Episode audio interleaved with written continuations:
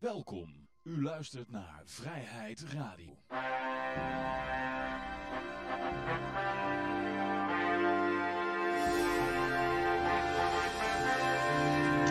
Ja, dames en heren, jongens en meisjes, dit is weer een aflevering van Vrijheid Radio. Leuk dat u luistert. We zitten hier gezellig in Café Libertaria met op dit moment eh, Peter en Yoshi. Mijn naam is Johan. Wie weet komen nog andere mensen bij. En eh, ja, ik zou zeggen, eh, laten we beginnen. Eh, ja, even kijken of we überhaupt nog wat eh, officiële mededelingen hadden. Ik weet even niks uit mijn hoofd. Ehm, ja, als je op, op, op YouTube of op andere social media benaderd wordt door iemand die zich uitgeeft namens mij en hij wil het over, hebben over crypto, dan ben ik het waarschijnlijk niet. dan is het een fake account. Ik weet niet of het gebeurd is, maar ik, ik, bij iedereen, eh, al- alle andere mensen gebeurt het wel. Dus dan zal ik alvast even een disclaimer geven. Ik ga niet zomaar met jou over, eh, over geld praten. En dus zeker niet als ik dan eh, mezelf aankondig met Hello sir, how are you? Dan weet je zeker dat ik het niet ben. Ja, ik krijg Ja. zulke gesprekken ongeveer vijf keer op een dag. ja, Want ik plaats namelijk overal berichtjes dat ik aan het streamen ben over crypto. ja, ja, ja. Nou, en dan eh, wil iedereen die duimt erop. Ja. Ik krijg alle vrienden van Jurjen. eh, Ja.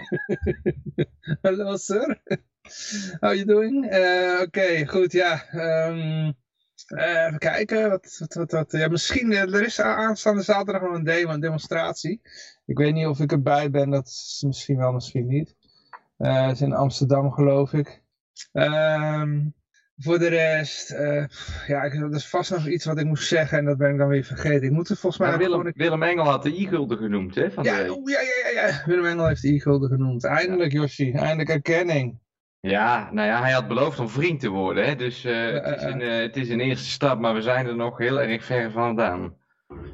Maar goed, ja, hij mag het benoemen. Hij noemde het zo tussen neus en lippen door eigenlijk met een half woord. Dus ja, je moest heel erg goed opletten om het op te pakken. Maar goed. eh, eh. Hij noemde het nog samen met die, die andere, hè? Ja, nou goed, dat geeft op zich niks. Ik bedoel, je hebt ook de United People Foundation of zoiets dat het heet. Dat is een eh, LEDS-systeem, een soort van, waarmee ze dus, dat heeft absoluut niks met crypto te maken. Daar wordt ook links en rechts wordt dat ge, gepusht door mensen. Ja, ik, iedereen mag, eh, ik zou zeggen, doe aan alles mee. Hè? Eh. Altijd spreiden, spreiden. Ja. Ja. Ehm, God, ja, wat, eh, nou ja, laten we gewoon beginnen met eh goud, zilver, bitcoins en de staatschuldmeter. En ik ben, ja, ik ben helemaal vergeten om het, om het allemaal te, te laden. Ik heb in ieder geval even de olie heb ik bij me. Browser. De bitcoin die heb ik altijd wel in de buurt. Ja, ja, ja, laten we in ieder geval beginnen met de olie. Die staat op eh, 106,54. Net even omhoog geschoten, zie ik. Ja, eh. Doe jij dan de bitcoin maar even, Yoshi. Ja, deze week min 8%, momenteel 40.000 dollar per bitcoin. Oké. Dan halen we uw goud er even bij. Hoppa. Wat heeft goud gedaan, jongens? Wat heeft goud gedaan? Spannend. 75 dollar per ounce. Oké. Hm. Net iets onder de 2000. Ja.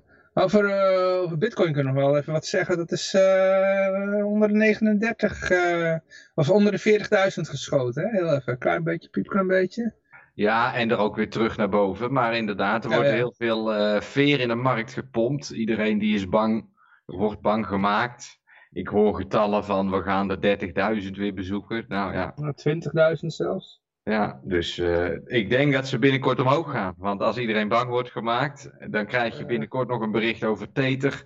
Die eh, zijn dekking niet op orde heeft. En dan gaan we daarna gaan we omhoog. Ja. Ja, dat is inderdaad de vraag. Kijk, als je vanuit de Elliott Wave gaat kijken, dan, eh, dan zit hij nou... Ja, je, je, kan... ja, dan moet ik even weer de Bitcoin koers erbij halen. Maar dan vanaf de top, dan zou hij nu in het midden van een zigzag kunnen zitten.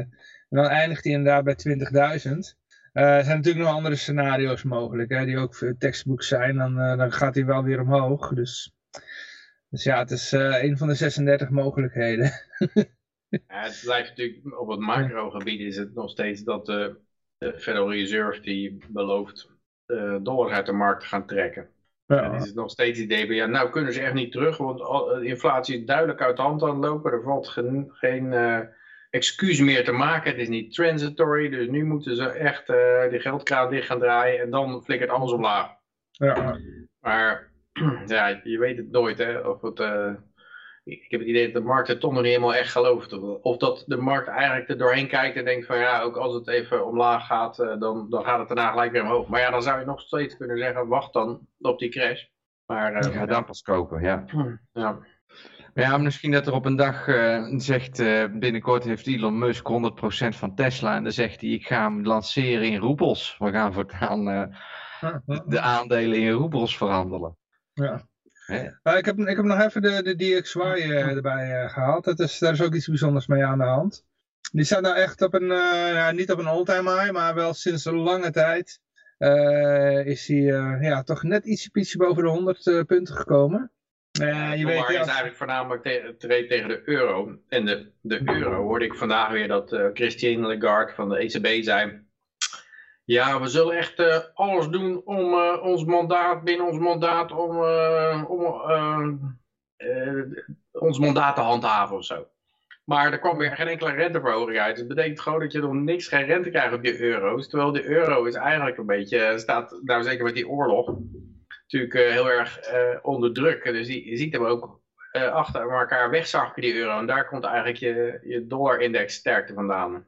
Ja, ja. ja, maar ja, als zij het maar weer zegt en dan kunnen de kranten er weer over schrijven. En zolang iedereen het maar gelooft, gaat het gewoon door. Ja, maar wat, wat, ik heb het idee dat de ECB nou helemaal hun geloofwaardigheid verloren is. Ik kan me bijna niet meer voorstellen dat er nou werkelijk een keer echt renteverhoging uitkomen. Ze hebben alleen maar, zeggen ze van, nou, we zetten alle zeilen bij, we trekken alle registers open, we doen echt, uh, we doen echt alles hoor. En uh, tot de volgende keer.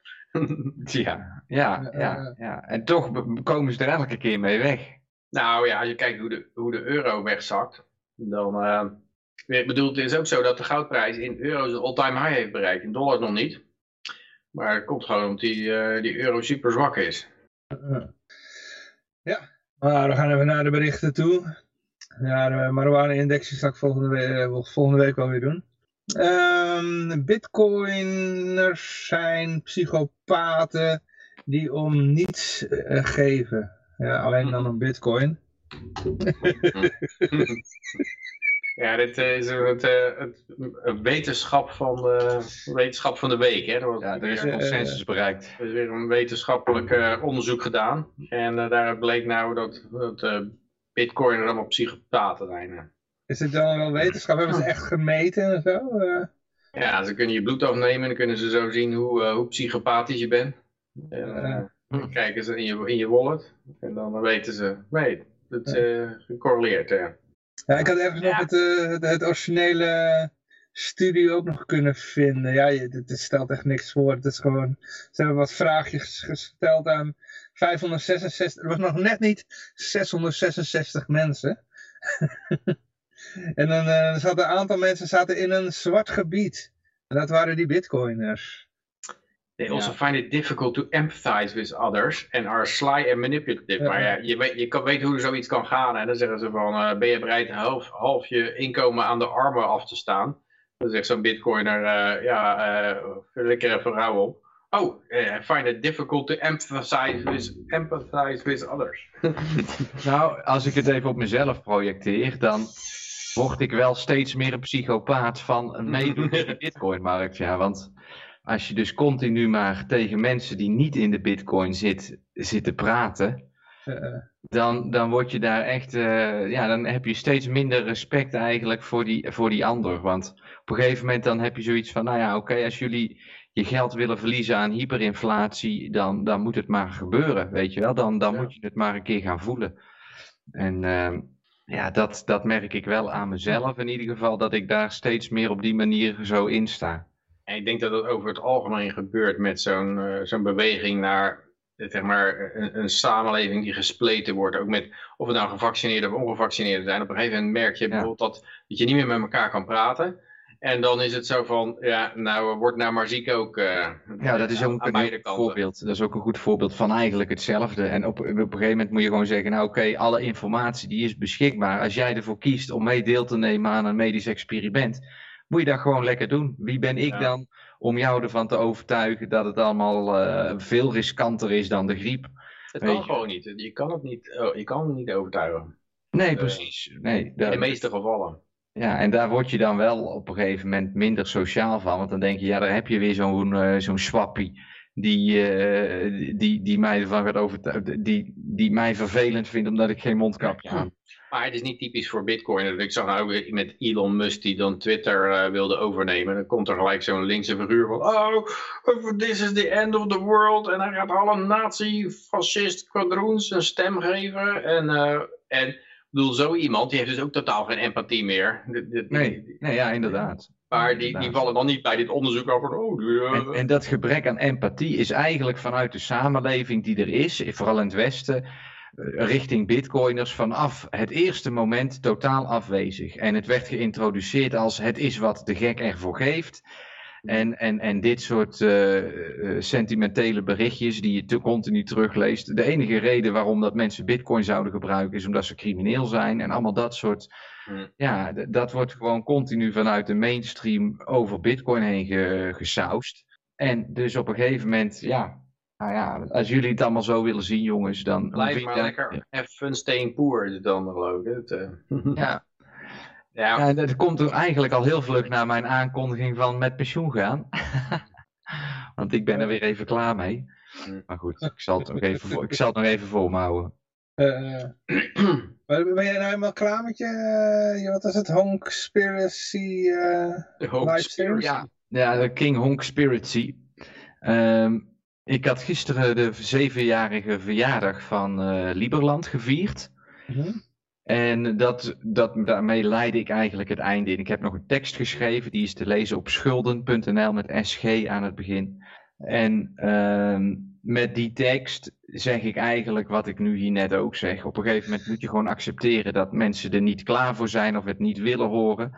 En ehm, ja, insanity is trying the same thing over and over again and expecting a different outcome. Dus ik kan nou wel weer met mijn clownspruik op eh, aan gaan tonen wat er allemaal niet klopt in de wereld. Maar ja, wat schiet ik, er- wat schiet ik er dan eigenlijk mee op, weet je wel. Het, voor mij hoeft het niet. Ik, ben, ik woon ook niet in een land wat heel erg heftig geraakt gaat worden. Want we zitten hier niet buiten de EU en zo. Dus ja, Niet Nou, we hebben zo meteen een bericht hoor.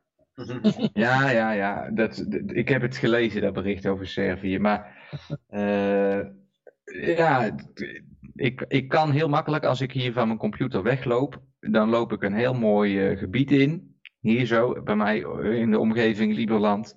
Eh, En eh, ja, daar kent niemand Julian Assange, om maar even iets te noemen. En eh, de bitcoin, die kennen alleen de mensen die mij kennen, hebben er wel eens van gehoord. En ja, dus dat is een heel ander leven. En dan ga ik daar maar in, eh, ga ik daar maar in mee. ja, Gewoon doen alsof ik dom ben. En we Het is een, mooi gebied en die, die boer heeft ook goede wijn daar, had ik eh, geproefd. Ik ben Ja. daar ook wel eens Ja. geweest, hè. Kijk, ik heb hier weer een fles rode wijn, een liter rode wijn voor 2 euro. Oké. Moet je gewoon een keer naar de, met een jerrycan naar die boer gaan. Die had hele goede chardonnay, hoor. En dan koop je, dan koop je een, eh, een jerrycan voor 5 euro. Druk je toch weer de prijs in euro uit. Hè? Je krijgt het maar niet in zijn tand dinar, dat hij het in eh e-gulden moet uit, eh, uitleggen. Ja, en, en betaal het eigenlijk in dinar. Dus dat is het ergste. Eh, Maar dat doe ik voor jullie, hè? Dan reken ik het terug. Zo, zo empathisch ben ik. is er nog iets van inflatie te merken daar in, eh, als, als je streekproducten koopt? Ja, want eh, de, de kwark bijvoorbeeld, die is van 1 euro naar 1,50 euro gegaan. Oké. Stond hier de, de groepsapp van het dorp stond er helemaal vol mee. Want iedereen die eh, vond het niet kunnen, die kwark zo duur.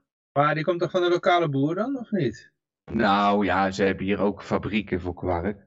Maar het is wel ja, die fabrieken hebben ook olie nodig en eh, computers. Ja, het is wel eh, ja, ja. gemaakt allemaal. Het is allemaal binnenlands. Alleen, ehm, ja, de kwark ging dus ook omhoog. Alles toch wel, het, gaat het gaat wel omhoog hoor, je ziet het wel gebeuren. Mm, mm, mm. Ja. Maar ja, ja, je noemde net al, eh, we zien hem hier al eh, boven staan. ehm, een man met een mening over Elon Musk. Ze hebben weer een van de linksfossiel eh van stal gehaald. Eh, Robert Reich. Ken je die nog? Nog? Nog? Ja, van die gehoord. heeft- Ja, die, die tweets van die vent altijd eh, inderdaad extreem linkse econoom. Eh, hij was minister van... Ja, tenminste staatssecretaris van Volkshuisvesting in de VS. Hmm. Ik denk dat in die tijd heel veel mensen hun woning zijn kwijtgeraakt. maar even kijken, in het kort was er dat, uh, ja, dit is, dit is, dit is zo vol met uh, tegenstrijdigheden dit. Dus... Wat, hij, wat hij zei is dat uh, Musk's idee van, van vrij internet, vrij toegankelijk internet waar iedereen alles kan zeggen, is precies waar dictators van houden. dat ja, was, ja. Like, hoe, kan je dat nou beweren? dictators die zijn hartstikke blij met dingen die ze niet kunnen controleren. Sinds wanneer ja, zijn, wat voor dictators heeft hij in zijn, uh, in zijn hoofd zitten? Maar kennelijk, het uh, enorme censuur plegen, dat is iets uh, typisch voor vrijheid. En, en iets vrijlaten, dat is typisch iets voor dictators. Dan moet, ja, dus die, die man die gelooft dat er een beetje vrijheid afgenomen moet worden om de democratie te kunnen garanderen. Want er zijn allemaal verstorende factoren die, die, die willen dat allemaal tegengaan. Weet je wel, mensen met een eigen mening. Ja, het is net zoiets als mensen die zeggen van ja, om je vrijheid te garanderen moet, moet er een overheid zijn die, dat, ja. die, die jouw vrijheid beperkt eigenlijk. Om, om, om het te kunnen betalen moet, jou, ja, moet je vrijheid beperkt worden. Maar dat is, uiteindelijk levert dat meer vrijheid op. Want, want zonder die overheid, nou, dan word je er helemaal door gangs overlopen. En dan uh, is het een all-eat-all in uh, jungle-wetten enzovoort. Uh, dat is natuurlijk verteld door diezelfde overheid op school. En ja. ja. zo gaat het over het algemeen inderdaad. Hè. Begin van mhm. vrijheid is minder vrijheid. Ik zal voor de rest niet te veel aandacht aan, aan hem geven. Maar mocht je het willen lezen, ja, de link die gooien we dan als de uitzending definitief gepost wordt op internet. Dan zal ik de link in het lijstje eronder gooien. Ja, het is echt iemand, die Robert Wright, die de meest absurde uitspraken doet. Je kan dit de kopen. Ik heb al eerder dingen van hem voorbij zien komen, dat, je, de ogen uit je kassen vallen ongeveer. uh, uh. Maar uh, ja, Spaanse polder zit ook met mensen zonder empathie, denk ik. Hè? Want ja, die hebben nog cash. Dan ben je ook een psychopaat, toch? Als je cash hebt. Ja, dus duidelijk mensen die van uh, contant geld houden, die missen empathische vermogens. Kindermisbruikers uh, enzovoort. Ja. Ja. een tweedehands auto in cash afrekenen, graag niet meer in de Spaanse polder. Ondernemers op het bedrijventerrein, een plek die Rotterdam en Schiedam proberen te zuiveren van criminaliteit, willen grote bergen contanten uitbannen. Het idee is om klanten zoveel mogelijk aan te moedigen betalingen digitaal te doen en grote bedragen te weigeren. Verder kunnen de ondernemers niet gaan. Contant geld is immers een wettig betaalmiddel en mag niet verboden worden. Maar ik dacht dat, ik, ik ben al eens bij autozaken geweest en als je dan vraagt of je contant kan betalen, dan is dat meestal maar mogelijk tot een, tot een bedrag van uh, 2000 of weet ik veel wat het, wat het was. Maar uh, dat is al heel moeilijk. Dus ik, ja, kennelijk kan het daar dan nog wel. Ik dacht dat dat uh, tot 3000 euro was beperkt wettelijk in Nederland. Ja, daar staat hier ondernemers hebben bij betalingen vanaf 10.000 euro een meldingsplicht. Ja, dat is sowieso, dat is altijd geweest. Hm. Want die meldingsplicht, die uh, wordt meestal door de accountant gedaan, want zij schrijven het gewoon op en dan zet de accountant hem in de, ja, op, op een melding, 10.000 euro melding. En dan krijg je een iets hoger risicoprofiel, dan moet je een paar procent meer uh, betalen als je een lening krijgt. Weet je hm. Maar zou er nou echt van de, van de, hoe het, van de, van de ondernemers komen? Nee, dat denk ik niet. Nee, sterk. Dat is altijd zo. De, de zogenaamde roep des volks die, eh, die dit... Uh, het komt absoluut niet. En ze weten nooit dat het bij de Belastingdienst vandaan komt. Want dan is het natuurlijk gelijk van... Oh ja, we weten waar je mee bezig zijn. Maar uh, het moet altijd lijken te komen vanuit de gewone man of de ondernemer. Of uh, het, het hele, hele fascisme. MKB Nederland. Ja, inderdaad, ja. Ja, dat is ook, en in milieuwetgeving is ook altijd zo van, uh, ja, dan is er een, een, een, onderzoekje wordt er gedaan, en, uh, een enquête, en dan blijkt... Uh, Waar een wc dat, Ja, dat al die ondernemers eigenlijk allemaal zichzelf in de voet willen schieten. Ja, ja.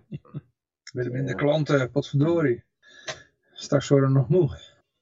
Ja. ja. het is natuurlijk een, een, ja, een doorlopende gevecht tegen contant geld. Maar ik denk dat het toch al steeds bloed krijgt waar het niet gaan kan. Dat er wel manieren gevonden worden om dat, ja, in ieder geval een gedeelte in, in uh, contant geld te doen. Ja, ik weet niet, voor de, voor de mensen die wel eens in de kantine eten op hun werk, die, die, die, die zijn er inmiddels wel aan gewend. Maar dat is het moment dat er altijd een pinstoring is, weet je wel, om 12 uur. Ja. en dan ben je gewoon blij dat er nog zoiets, dat je nog met cash kan betalen, weet je wel. Hm. Het hele Nederlandse betalingssysteem is er gewoon nog niet klaar voor. Ze kunnen om nog steeds iedere dag om 12 uur ligt standaard gewoon eh, de pin eh, eruit. Ja, en dan bedenken dat het in Nederland eigenlijk als een van de beste landen in de wereld geregeld is. Hè? Dus, Ja, ja, ja. Ja, ik, ik moest eh, gisteren een, re- een, mijn vluchtelingen helpen een rekening te openen. Maar dan, eentje die is 17. En dan zegt zo'n bank gewoon van ja, dat doen we niet, want dan lopen we veel te veel juridisch risico. Want eh, het gaat namelijk over contracten aangaan eigenlijk. En als iemand van 17 contracten aangaat, dan is de bank eigenlijk verantwoordelijk. Dus de, de, of de bank loopt dan juridisch risico. Als hij iets financieel malversaties doet, dan kan hij zeggen, ja, hey, ik ben minderjarig, weet ik, weet, ik veel. En dan is de Hmm. bank verantwoordelijk. Dus die banken die openen dan helemaal geen rekening meer voor iemand van 17 jaar. Dus die viel al af. En, en daar moet je geld op binnenkomen van je, je, je bijstand, van je vluchtelingenbijstand. En die andere, die, die, eh, dat lukte wel, maar dat kost al 2,75 per maand of zo. En, en zij vroeg van, ja, waarom, moet dat, waarom moet dat geld kosten? Zei, Ja, vroeger kreeg je een, kreeg je een broodrooster cadeau als je een rekening opende. Op een gegeven moment hield dat op. En nou moet je ervoor betalen. En dat komt eigenlijk omdat ja, de Rabobank heeft ook onlangs geloof ik 5000 mensen aangenomen om- voor de compliance afdeling. Om te kijken of jij... eh, en dan moet je ook invullen allemaal, are you a US citizen, were you born in the US? Want dat is, daar zijn ze helemaal te dood voor natuurlijk. Eh, dus dan, eh, Ja. ja. Je moet een heleboel vragen invullen. En dan wordt je beloofd dat er heel goed wordt omgegaan met je privé, eh, private gegevens en zo. En, ja. en je moet ervoor betalen inderdaad. Om je geld op een rekening te zetten waar je geen rente voor krijgt. Ik weet ook, Ja, gezegd, wil, je, wil je misschien ook een spaarrekening openen? Ik zeg, nou, dat zou ik niet doen als je daar ook voor moet betalen. Ik krijg toch geen cent rente. Dus. Nee. Wist je, toen zei hij, nee, we doen het wel in bitcoin sparen, zei je toen. En toen kreeg ze helemaal geen rekening meer. nee, online, dus ik kon van alles zeggen. Tenminste, ik, ik neem even aan dat hij niet mee zat te luisteren. Terwijl... Weet jij toevallig ook wat eh, zo'n zo'n zo'n vlu vluchtelingenuitkering doet, eh, Peter, per maand? Eh, ja, hangt er vanaf of je jonger of ouder dan 18 bent en of je bij de gemeenteopvang zit met een hele matrix van gemeentelijke opvang. Met eten betaald, dan krijg je bijna helemaal niks meer aan extra geld. Of eten niet betaald, dan krijg je wat meer geld, omdat je er eten van moet kopen. Als je bij een gastgezin zit, dan krijg je relatief nog het meeste. Mhm. Eh, want je moet dan ook wat vergoeding geven voor energiekosten of zo. Dat is het idee, of dat moet je zelf onderling regelen. Eh, maar dan wordt, dan wordt het voor boven de 18 is het, eh, ik geloof 475 per maand. Dat is de vergoeding, dus het is... eh, Jezus, dat is minder dan het gemiddelde loon hier in Servië. Ja, ja, en ik zat er ook te denken van, kan je daar inderdaad van, van eten? Want er werd er gezegd geloof ik 55 gulden eetgeld per, was het nou 55 gulden eetgeld per, ik ben het even kwijt, per week zo. Ja, ja, ja. maar dat is Ja. voor één persoon. Ja, ja dus. Dus- 17-jarige die krijgt dat ook, zeg maar. ja, Of iets minder dan, maar. ja die, die kregen, het eetgeld was geloof ik hetzelfde, maar die kregen, ehm, eh, die kregen bijkomende vergoedingen wat minder voor... sculptuur. Ik zal het even precies opzoeken voor je. Want het is inderdaad, het was iets van 11 euro per dag aan eten of zo, dacht ik. Kan het zijn. Eh, en dat, toen dacht ik wel van, nou, als je dat lukt, dan uh, ja, dat is best wel knap eigenlijk. eh. Drie maaltijden op een dag. Mhm. Ja, ze krijgen 135 euro leefgeld per week. Hm. En als ze bij een gastgezin zitten, krijgen ze dus nog bijdrage in de kosten. Dat is dan eigenlijk voor het gastgezin. Maar 135 per week, hoeveel is dat? eh? Dus iets minder dan 20 euro per dag. Ja, 20 euro per dag. Ja, ja het, het, het kan misschien wel. Maar eh, het is ook geen vetpot. Nee, nee, nee. Mhm. Ja, je kan ook nog als boa aan de slag gaan, dan krijg je, krijg je wel meer. Vluchteling? Ja, dat, dat komt binnenkort, joh. Want anders dan wil er niemand boa worden. Dus eh, daarom hebben ze al die vluchtelingen nodig. Ik kan heel goed mensen in elkaar rammen. Uh, jij bent aangenomen. Ja, Ja, dat is gewoon net als in het Romeinse Rijk, weet je wel. Daar was toch ook allemaal Germanen en andere stammen. Ja, aan. dan, eh, uiteindelijk werd helemaal gerund door buitenlanders die zo graag citizenship wilden hebben. ja, Toen ze hadden, toen ze dat hadden was het gelijk waardeloos eigenlijk. Mhm. Ja, nog waardeloze munten en zo. Zijn ze nog allemaal naar Rome getrokken om het echte goud op te halen? Ja. Ja, dat is natuurlijk het hele punt dat als je een privilege hebt, wat het burgerschap eigenlijk was, ten koste van mensen die het niet hadden, en iedereen wil dan dat privilege hebben, en je gaat het ook eh, inderdaad aan iedereen zitten geven, dan is het geen privilege meer. Nee. En, ja, het is nu alleen voor de Oekraïners, hè? Alleen de Oekraïners. mogen. Ja. Ja. straks komt er nog meer bij. Het houdt daar nooit op, hè. We krijgen natuurlijk ook nog de Finnen zometeen. Maar daar gaan we het Ja. zo meteen nog over hebben. Ja, Maar, Zweden. In Zweden inderdaad. Estland, Letland, Litouwen. Polen binnenkort ook, jongens. Hup. Polen. Ja. Ehm, even kijken, Deutsche Bank. Die, eh, nou ja, voor de, de- ja, in ieder geval de Deutsche Bank is de eerste grote bank die, eh, nou zegt dat de VS eh, de, de, de dagen van de dollar geteld zijn. En vorige week hadden we natuurlijk Goldman Sachs, maar dat is een financiële instelling, hè? geen bank. Hm. Dus, eh, ja. Ja, ik weet niet, wat doen die dan, Goldman Sachs? Een Eh, ja, eh, bank of zo. ja, dus eh, een beetje getallen rondschuiven en eh, dus daarna, ja, creatief boekhouden doen ze toch? Volgens mij leveren ze... Dat, zijn- dat zijn toch die lui die overal centrale bankiers aanleveren? Mario Draghi en die, die, die, eh, die ritselen Griekenland in de, in de euro, zeg maar. Dat soort eh, dingen, dacht ik. Ja, die geven dan eerst financieel advies en dan later profiteren ze keihard van het verkeerde advies wat ze hebben gegeven. Want dan weten ze precies wat ze gaan doen en hoe ze het moeten uitbuiten. ja. Eh, eh, ah, Deutsche Bank, een bank die zelf al jarenlang op eh, instorten staat. eh. Maar niet meer, hè? die zijn gered door de corona. Ja, Oké, ja. Hoezo? Ja, dat was die, die hele serie van Arno Wellens, die eh, een paar jaar geleden helemaal uit ging leggen hoe dat eh Duitse bank gewoon failliet was. Eh, die Duitse bank die heeft dus nu weer verse leningen met coronageld kunnen, kunnen krijgen. En, en dan zijn de problemen dus ook weer even vooruitgeschoven, want dan, dan zetten ze gewoon alle niet non-performing loans, die schuiven ze gewoon aan de kant. Met dat nieuwe geld wat er binnenkomt. En dan kunnen ze weer even vooruit. Maar dit, eigenlijk zijn die gewoon op de balans van de centrale bank gezet dan of zo? Of, eh, die Ja, nieuwe leningen. Nee, dan is de balans is gewoon vergroot. Ah, en dan is dus de, de, de, de bad loans, die maken een veel kleiner deel van het totaal. Maar daar moeten ze onderpand voor geven meestal voor dat soort leningen. Dat is meestal de, is dat, dat, dat het truc, je krijgt geld en dan moet je onderpand leveren. En, en dat onderpand is dan niet helemaal van de beste kwaliteit, maar dat, dat wil de centrale bank dan door de vingers zien. Maar eigenlijk is het gewoon 3 cent op de, op de euro waard, dat onderpand waarschijnlijk. Als je Ja. dat zou proberen te verkopen. Maar eh, de ECB zegt dan van nou ja, het is, het is, het is goed 100% dit. eh. Eh, maar de Deutsche Bank is toch eh, zo eigenlijk gewoon een hele grote, dikke, vette moederbank die bijna door haar poten zakt, omdat ze ook nog eens al die kreupele eh, Zuid-Europese banken met zich meezult. Ja, ze hebben, er staat, ik weet niet of het alleen de Deutsche Bank is, maar er staat toch ehm, iets van duizend miljard open aan onbetaalde rekeningen van Zuid-Europese banken naar, eh, naar Duitse banken toe. Dat zal een groot deel Du Deutsche Bank zijn. En eh, ja, dat gaat waarschijnlijk nooit in het Target 2 verhaal is dat, hè? Eh, De openstaande rekeningen als zijn. En, en ik denk dat dat, dat dat nooit meer betaald wordt. Maar dat betekent dat eigenlijk dat er ook zoveel tegoeden op Duitse banken eigenlijk niks waard zijn. Als je, als je die schuld niet kan innen bij die Zuid-Europese banken, dan zijn die, die spaartegoed ook niks meer waard. eh. Maar ze hebben nou in ieder geval een eh, elektri- elektrische scootmobiel gekregen van de ECB. Nou, dat gaat uitmaken. maar eh, goed, ja, nou ja, leuk dat ze eh, ook zeggen dat de dagen van de dollar geteld zijn. Ehm, Ja, je hoort het steeds vaker. Ik denk dat het nog wel, het is natuurlijk wel raar dat die dan omhoog gaat en eigenlijk dat de euro harder zakt. Ja, eh, eh, Eigenlijk zakte de dollar natuurlijk ook, want je kan er elk jaar 8% minder van kopen of 15% afhankelijk van welke prijs je kijkt. Dus eh, hij, hij zakt ook de stront in, maar dan kan je nagaan hoe hard de euro wel niet de stront in zakt. eh, eh, als die nog zelfs ten opzichte van de dollar terrein verliest. Maar het is toch wel raar om, dat, om te zeggen, de, de, dollar waar ze altijd zeggen, ja, het, is, het is het schoonste overhemd in, in, de, in de wasmand.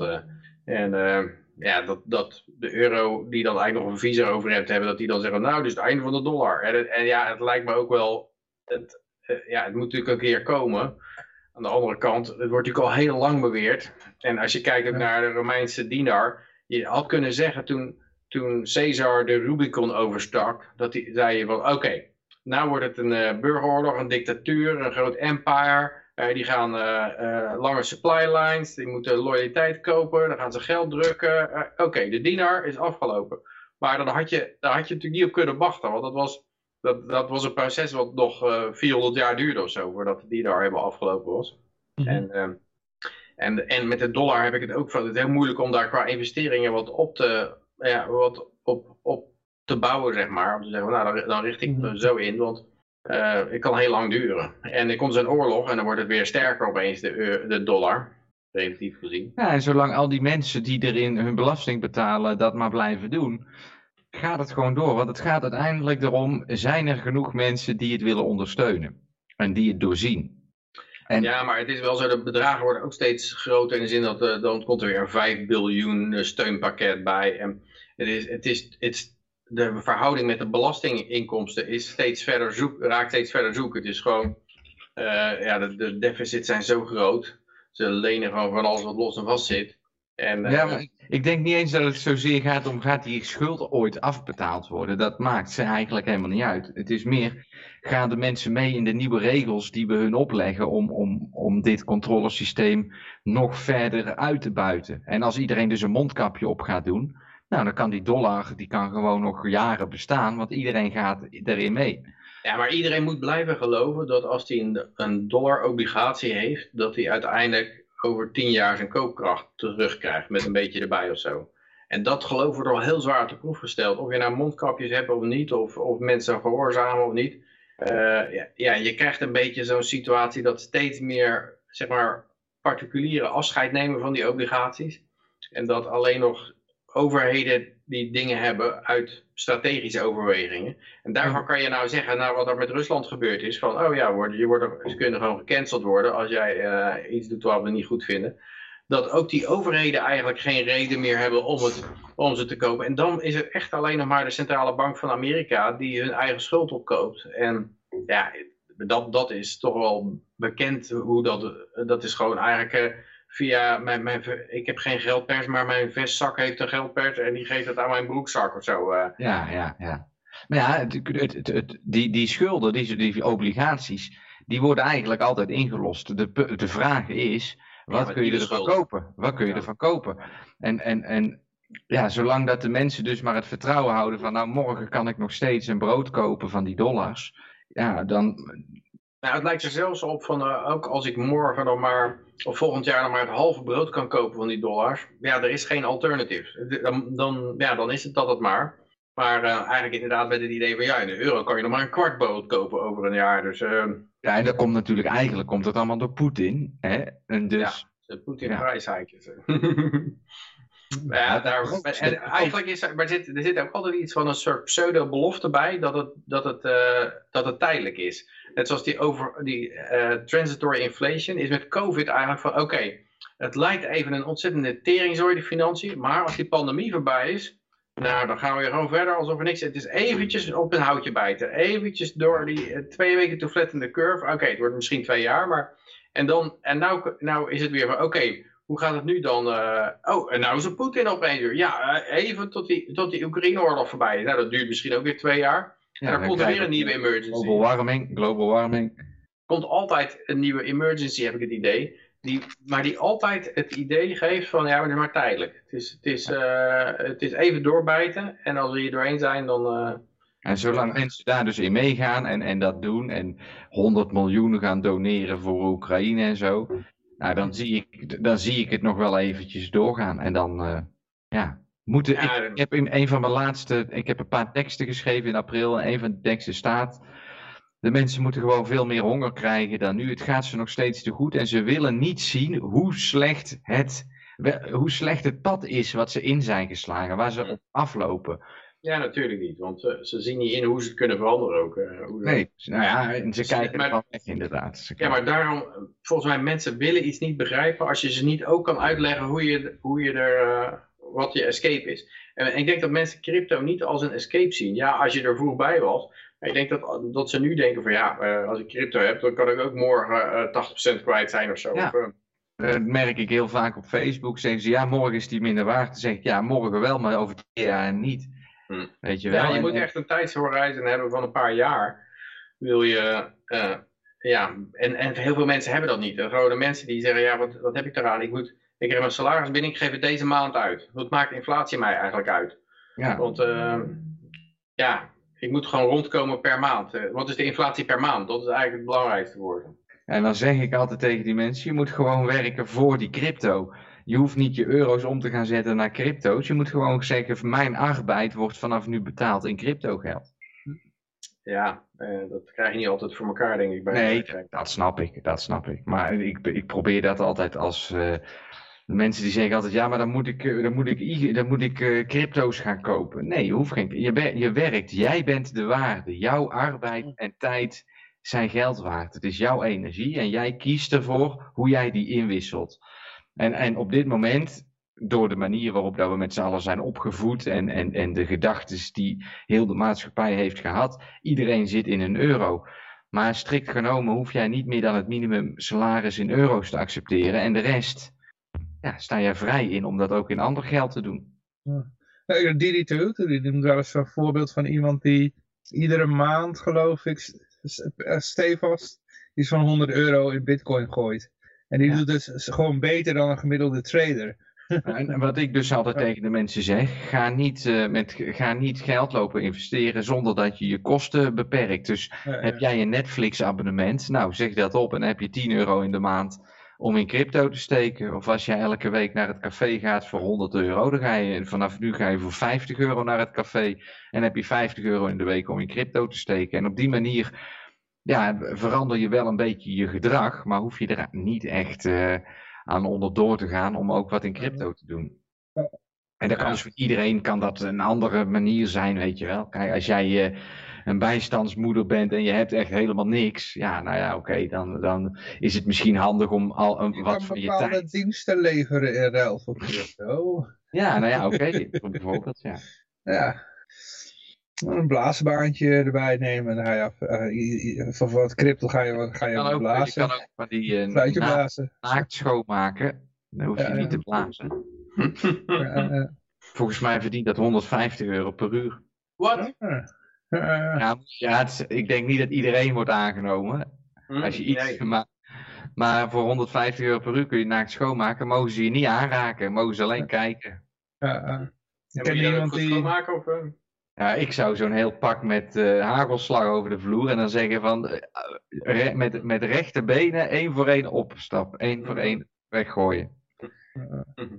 Ik ken iemand die deed dan de pornoproductie en zo en die maar uh, er kwamen soms echt gewoon uh, de meest gekke vragen binnen. Want iemand die wilde dan een, een modderdikke vrouw met een komkommer zien spelen, weet je wel. Uh, nou, dat vond hij geil. Want hij regelde dan ergens een modderdikke vrouw en die mocht dan met en een komkommer, spelen. Ja. komkommer was ook het lastigst.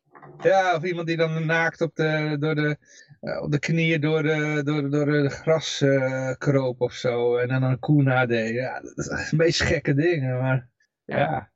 Dus, ja, dat is, vraag in zekere zin mijn, mijn gedachte waarom dit hele systeem zo is opgebouwd. Hè. De oude mensen hebben het geld en de jongeren die moeten het verdienen.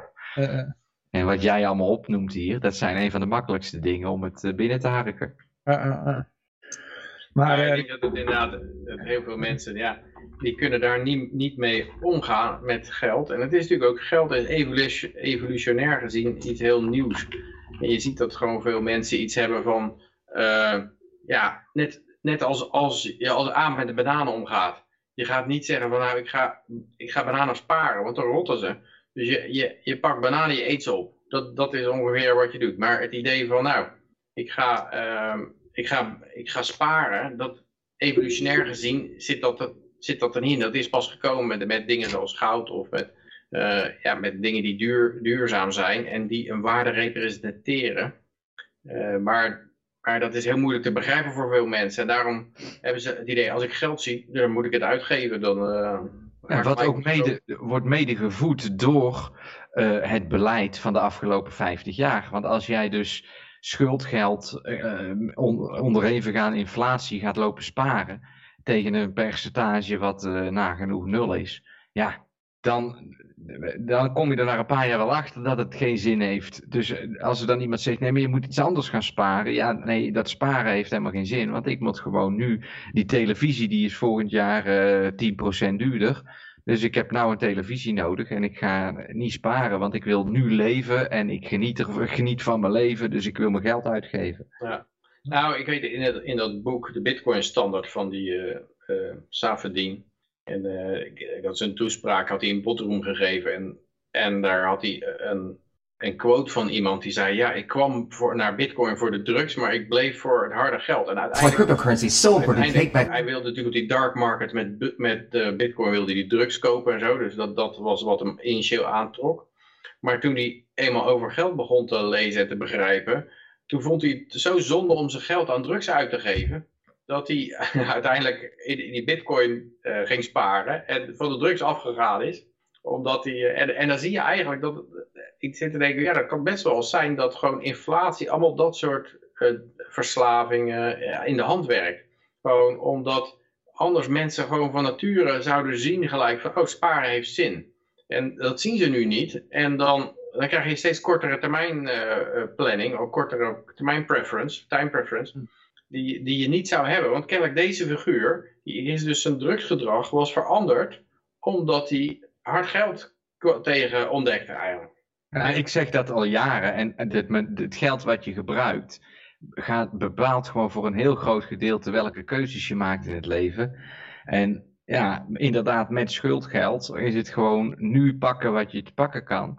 En, en je zou wel dom zijn om het uh, onder je bed te stallen, want uh, de inflatie die uh, giert de pan uit. En, ja, het hele consumptisme, dat is voor een groot gedeelte ge, ge, aangedreven door, door inflatiegeld. Ook ja, dat je een, een, een, gewoon een huis koopt wat veel te groot is. Dat is typisch iets wat, wat gebeurt als jij toch kan lenen en weet dat dat geld waardeloos wordt. Ja, beter nu een huis hebben en dan maar wat schuld, want dat huis dat houdt zijn waarde toch wel. Ja. En ik ben wat vergeten. Oh nee toch. Ik weet al wat, ja. Een egel. Uh, we gaan egels weggeven. Het rad van fortuin. Ik ga, je hebt er volgens mij van mij nog een paar te goed, Johan. Wat is jouw uh, jonge pier was het, hè? Ja, ja, ja, ja, ja, ja, ja, ja. ja. Als je me via efl.nl wat uh, tools stuurt, is gewoon jonge pier. Ik zal er even 100 ja. over maken. Oké. Okay. Uh -uh. Uh, maar uh, ja, de EFL-regen, ik ga weer wat weggeven. En het is gewoon weer uitroepteken rondval in, het, in de chat als je op Twitch zit. En dan, ja, dan gaan we de rad draaien. Ik heb er nog, ik had de vorige keer had ik de prijs verdubbeld, maar ik had ze aan jou nog niet overgemaakt. Dus ik heb ze bij deze, heb je er 100 extra, Johan. Oh, nu moet ik dan een Flauwergast geven? Of, Nee, ja, weet ik niet. Ik weet niet wie, wie er toen won, maar dan heb je er nog Flauwergast was vorige keer, ja. Goed, extra's. Nou, volgens mij heeft Jan-Mark ook nog een keer wat gewonnen. Dus, uh... Waar is Jan-Mark? Ja, die komt er zo aan. Die uh, had even uh, geappt dat hij na 9 uur pas is. Dus, onderweg naar huis als die er is, dan ga ik koken hoor. Dan weten jullie Oké. Okay, dus dan okay. zeggen we even dat we een uur lang technische problemen gehad hebben. ja, ja maar even kijken, we gaan naar... oh shit, de verkeerde knop. even kijken hoor, deze. Hoppa. De browser. We gaan naar de Kamer van Koophandel toe. Uh, even kijken, want die waarschuwt namelijk dat er 200.000 bedrijven op omvallen staan. Ja, dit is natuurlijk wat uh, allemaal vooruitgeschoven tijdens de coronacrisis. Al die bedrijven staan aan het NOE-infuus. Uh, en dat houdt nou op. En ja, nu hebben ze... ja, ja het is gewoon een uitstel van executie letterlijk, hè? Ja. -uh. Dus dat ja, die coronasteun gestopt is en veel ondernemers hun belastingsschuld moeten terugbetalen bij ja. slagveld. Hoe kan je een belastingsschuld hebben als je niet open geweest bent? Nou, je moet, heel veel bedrijven moeten hun NOW uh, terugbetalen. En natuurlijk, de, de kosten liepen door, hè? Je hebt wel een pand. NOW was toch eigenlijk een lening ook? Of had ik dat nou verkeerd? Soms wel, ja. ja, ja. Soms, het was geloof ik een, een deels een lening, ja. ja. Maar ja, sommigen die, die hadden, ja, het zit heel Ik dat er nou vanaf of je mensen, of je personeel ontsloeg ja. of niet. Als je personeel ja, aanhield, dan uh, was, het, uh, was het geen lening of zo. Maar ja, dan had je ook uh, veel meer kosten natuurlijk. Het was inderdaad zo'n zoiets met, zo'n met heel veel addertjes onder het gras, zeg maar. Zo'n soort, als je, alsof je een lening bij uh, Dirk Scheringa Bank deed of zoiets. Uh. Er staat 10% daarvan is bijna failliet of is, of is aan het overleven. Ja, uh, dat zijn dus 200.000 ondernemers. Ja. ja, het, is, het is net zoals bij oorlog. De kosten van zo'n zo COVID-waanzin, die worden eigenlijk vooruitgeschoven in de tijd. Dat je niet direct ziet wat er, wat het slacht, wat er, wat er aan de hand is als je dat doet. Uh, want dan zouden mensen zeggen van, oh wacht even. Maar het wordt net gedaan als, met zo'n enorme lening alsof het geen kosten heeft. Ja, dus gewoon eventjes binnen blijven. Uh, hè? Uh, voor de rest heeft het allemaal geen negatieve gevolgen. En, en, dan, en dan pas later vallen die bedrijven om en dan, dan valt mensen niet meer op dat het aan elkaar gecorreleerd is. Ja. ja. Oh, uh, en ik ben weer wat vergeten. Even voor, uh, ik had net over de, de, de egels weggeven. Er is nog steeds uitroepteken rond Paul. Om mee te doen aan die egel. Dus dan krijg je tien egels. was, je, was je niet vergeten, maar goed. Oh, dat had ik wel, wel Had je gezegd, uitroepteken oh, Ron Paul. We zullen nog een keer uitroepteken Ron Paul. Ik zal het ook even doen. Ik zie niks in de chat, dus uh, we hebben wel überhaupt wel luisteraars. Of is, wil, het, het kan zijn dat, dus Johan, dat is het gewoon. Het kan dus zijn dat, uh, dat ze nog allemaal naar uh, Robert Valentine aan het luisteren zijn. die, die is ook volgens mij nu net afgelopen, denk ik. En... Kijk hoor, spot on Beumans, oké. Okay. Oh, nou heb ik Ron Paul geredeemd. Ik hoop niet dat je computer vastloopt. nee, nee, nee, nee, nee. En wat ook altijd wat heel verneukeratief is, dan staat hier ook stekker uit de zaak om corona. Ondernemers kunnen geen kant op. Maar het is niet om corona. De corona heeft, heeft die zaken niet om zeep geholpen. Het zijn de lockdowns die dat hebben gedaan. Ja, het is beleid. beleid corona beleid. Het beleid van de overheid heeft ze om zeep geholpen. Want je weet niet hoe, hoe serieus mensen dat virus hadden genomen zonder... Uh, waarschijnlijk waren jongeren, als, zodra ze door hadden dat ze geen risico liepen waren jongeren gewoon naar restaurants gegaan en naar bars en alles. En dat was gewoon doorgegaan. En uh, daar hadden die bedrijven best wel op kunnen overleven. Er waren alleen oudjes binnengebleven. Uh, Mensen met speciale aandoening.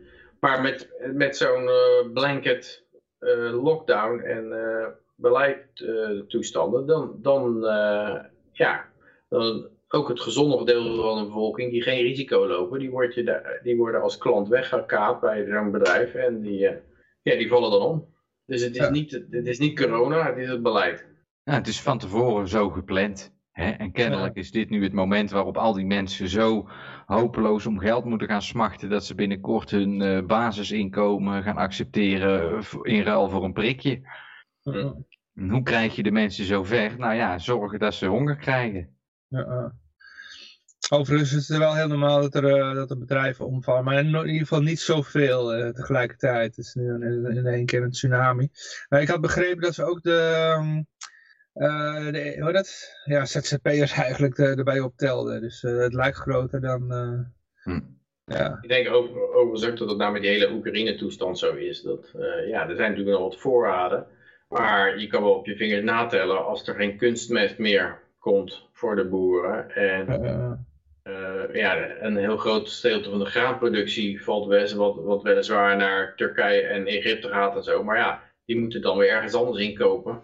Dus er is gewoon een hele hoop stuk productie van de markt gehaald, wat normaal opgegeten werd door mensen. Dat is er nou niet. Dat betekent dat er honger geleden gaat worden. En uh, ja, dat, dat zie je nou nog niet, maar dat komt straks. Dat had ook eigenlijk niet gehoeven, want je had die hele boycott had je niet hoeven doen, want het heeft toch nooit effect. Uh, mijn inzien, als ik naar de geschiedenis kijk, is het toch nooit... Uh, ja. ja. we doen, het, het, is net als met, met uh, inflatie, er komen altijd dezelfde stomme dingen uit de kast van oh, prijscontroles. Je weet dat het niet werkt en, uh, en toch, toch wordt het elke keer weer gedaan. En met, die, met die boycott ook. En nou, ik hoorde ook een libertariër zeggen van ja, je moet ze uit de Security Council flikkeren. Ja, Duitsland is ooit ook uit de Volkenbond gegooid. ja, uh, wat, wat, had dat nou voor uh, effect? Het was niet zo dat daarmee een wereldoorlog voorkomen is. Dus het, het, heeft al die dingen die allemaal geen zin hebben, die, die ga je gewoon nog een keer herhalen. Uh, Amerika had gewoon niet in Oekraïne moeten zitten, joh. ja, er is nou een journalist van de Figaro, die, die beweerde van, die kwam net terug. Die viel even weg. Er was een journalist van de Figaro. En die beweerde dat de hele oorlog gerund wordt door Amerikanen. Mhm. Ja, ik had laatst op de Corbett Report, maar dat is alweer twee weken geleden, was een document geüpload, zowel op de website van uh, de Russische overheid als de Canadese overheid, die identiek was, behalve dan het land waar ze over spraken, want Canada sprak over Canada en Rusland sprak over Rusland. En toen had ik ook wel zoiets van, nou voor mij is bij deze wel bewezen dat ook die hele oorlog in de Oekraïne, het is heel vervelend natuurlijk, mensen gaan echt dood, maar het is hetzelfde als met corona. Het is gewoon het beleid wat al vooraf is bepaald en ze zijn gewoon een spelletje aan het spelen om iedereen maar af te leiden en een excuus te maken voor de veranderingen die ze willen bereiken. eigenlijk ook om het aantal slachtoffers veel groter te maken dan het had moeten zijn als je, als je had onderhandeld uh, over een uitkomst. Want dan had je gewoon kunnen zeggen van, ja sowieso als je bijvoorbeeld de dienstplichtigen van Rusland met de dienstplichtigen van de Oekraïne laat praten, dan jongens, uh, willen jullie vechten over wie de heerser wordt van een stukje in Oost-Oekraïne. Of dat uh, Poetin wordt of Zelensky. Wil je daar ben je daar bereid voor je been te verliezen of je arm of een oog of zo? Want anders heel veel zegt, hey, uh, mijn pak je niet, ik wil leven, verder leven, uh, zoek het maar uit. Uh, dus dan was het al afgelopen. Maar juist ja, omdat dat niet het geval is. En, en het is ook zo, hm. ja, bij het inziens wordt, wordt Poetin ook geen enkele uitweg geboden. Er is gewoon geen uitweg um, zonder gezichtsverlies. Wat, ja, wat ons extreem linker soep lijkt ook bij een, bij een kernmacht om uh, kat in het nauw maakt rare sprongen. Als het goed is, is uh, Jan, Jan Marker. Uh, hoor je mij? Ja, ja, ik hoor je. Ja. Oh, kijk aan. Ken ik ga koken. Ja, ik ga kijken of ik jou zichtbaar kan maken, maar ik, ik weet verder ook niet wat ik... Uh, Aflossing is er. ja, trouwens niet. Ja, ik zie je wel op Twitch, maar niet. Hm. Maar leuk dat je er bent, Jan Mark. Ja, dat is wel... Goed, goed. Ja, ja, ja, ja, joh. Staat voor niks. Oh. Dan moet je zeggen, hartstikke idee. En op dat moment crasht het altijd. Ja, ja, ja. Dat zou ik maar niet zeggen. Het H-woord. Dan zitten we in de berichten, jongens. Ja, we, zijn, uh, we waren bij de... Uh, Oké, okay, hoor. Ik hou er zelf ook even bij. we waren bij de faillissementen. Ja, maar die hadden we al gehad, nou. Ja, uh, als we het wel dat even een beetje over Oekraïne. Ik, ik hoorde nog van uh, dat uh, ING die ging bankrekeningen bevriezen van mensen met een Russische achtergrond of een wit-Russische achtergrond zelfs. Alles boven de ton werd bevroren. Oh ja.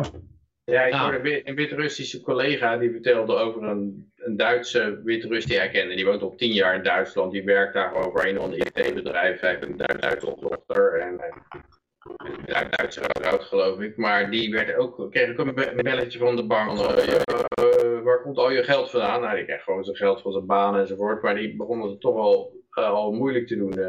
het rare is natuurlijk altijd dat, dat dat soort mensen juist enorm anti-Poetin zijn. Dat zijn de, de grootste Poetin-haters die je waarvoor kan stellen. En die wordt straks hun bankrekening gesloten of zo, hun assets bevroren. En, ja... Het, eh, die, die, het is ook, die lui lijken wel, lijken wel nooit een goed idee te hebben. ja, maar ja, het is nou dus gewoon duidelijk dat gewoon uh, geld dat je op, je op je bank hebt, dat is gewoon jouw geld niet. Nee. Nou, op het moment gewoon zeggen, ja, ja uh, vinden jou niet leuk, je zit bij viruswaarheid of, of uh, je dat staat ook in de Dat staat ook gewoon in het contract waar je ermee tekent. Ja, ja dan, maar dan weten we dat allemaal. Van, uh, ja. Ja, lijkt me duidelijk. Je geld is niet veilig bij de bank. Dus uh, ja. Nou, koop crypto jongens. Hartstikke idee. Dan is het wel van jou. Lijkt wel of ze een bankrun aan het uitlokken zijn bijna. Ja, ja, ja. ja. Ik zou het zeggen inderdaad. Hè. En dan kunnen ze zeggen, ja, het ging allemaal prima. Nou ja, ik krijg een beetje een gekke bankrun. Mensen zijn wel gek geworden. Ja, wordt ook psychopaat. ja. Crypto. ah ja, dat, dat was wel een mooi bericht, ja. Ah, psychopaat. Het is nieuwe leuze. Word psychopaat, koop crypto. ja, Maar uh, ja, de FNV die hebben we ook nog. Die bestaat ook nog steeds. Ja, uh, ja, op het randje, hè? want er is bijna, ik had ook laatst een berichtje dat er eigenlijk niemand meer echt in gelooft in zo'n... Uh... Nee. Uh, het is al jaren een springplank naar de, de, de PvdA eigenlijk. Minister van Financiën. Vakbond, ik was even op zoek naar het woord vakbond. Ja, als je, als je bij de PvdA wil, dan ja, begin je bij de vakbond en dan eindig je bij de PvdA. Ah ja, ik dacht het niet. En na bij de PvdA is weer een springplank dat je ergens een CIO wordt bij een zorgverzekeraar. Ja, ja, van, uh, ja, wat ook wel interessant is, kijk, vroeger wist je gewoon FNV-voorzitter, dat was Wayne Kok bijvoorbeeld. Als ik jullie zeg de FNV oh, dit is FNV vicevoorzitter, Zakaria Boufangacha. Oh ja, dat wist ik wel. Dat is toch een soort uh, tandziekte of zo? het is een geslachtsziekte. Van een tanden tot uit je mond of zo, als je dat hebt. Kariërs of zo? Oh. Ja, ik, eh, hey. Ja, binnenkort zien we die ook in de politiek, denk ik. Maar het valt me wel altijd op van... eh, ze zijn altijd heel eenzijdig boos bij de FNV of bij een vakbond. Weet je? Ze, worden nooit boos van eh 12% inflatie. Dat is ook een soort eh, ja, manier om lonen af te pakken, in ieder geval van de ambtenaren. Hè, alles wat Dus vrij die, markt is. de belasting of zo. Nou, nee, maar daar, daar worden ze niet boos van. Maar ze worden dan wel van, ja, dan vinden ze de lonen te laag. Nou ja, die lonen die gaan straks 3% omhoog. En dan heb je een inflatie van minimaal 12%. Want als de overheid zegt dat het 12% is, dan is het meer dan 12%. Dus, eh, Ja, maar Ja. het is een grammofoonplaat die altijd eh, blijft steken. Hè? Dan, eh, als ze inflatie horen, loon omhoog. En ik, Ja. had het, ik had het met Peter over van de week. Ik zei, ja, Google, of tegen, tegenwoordig Google ik, ik Google niet meer. Google eens naar ehm, FNV inflatie loon. En dan krijg je echt berichten tot, tot nou, 20 jaar terug of zo, tot zolang het internet bestaat. Dat ze ieder jaar hetzelfde persbericht naar buiten gooien. Inflatie, loon omhoog. maar geld buitdrukken, dat vinden ze geen enkel probleem bij de FNV. Nee. Dat vinden ze helemaal prima.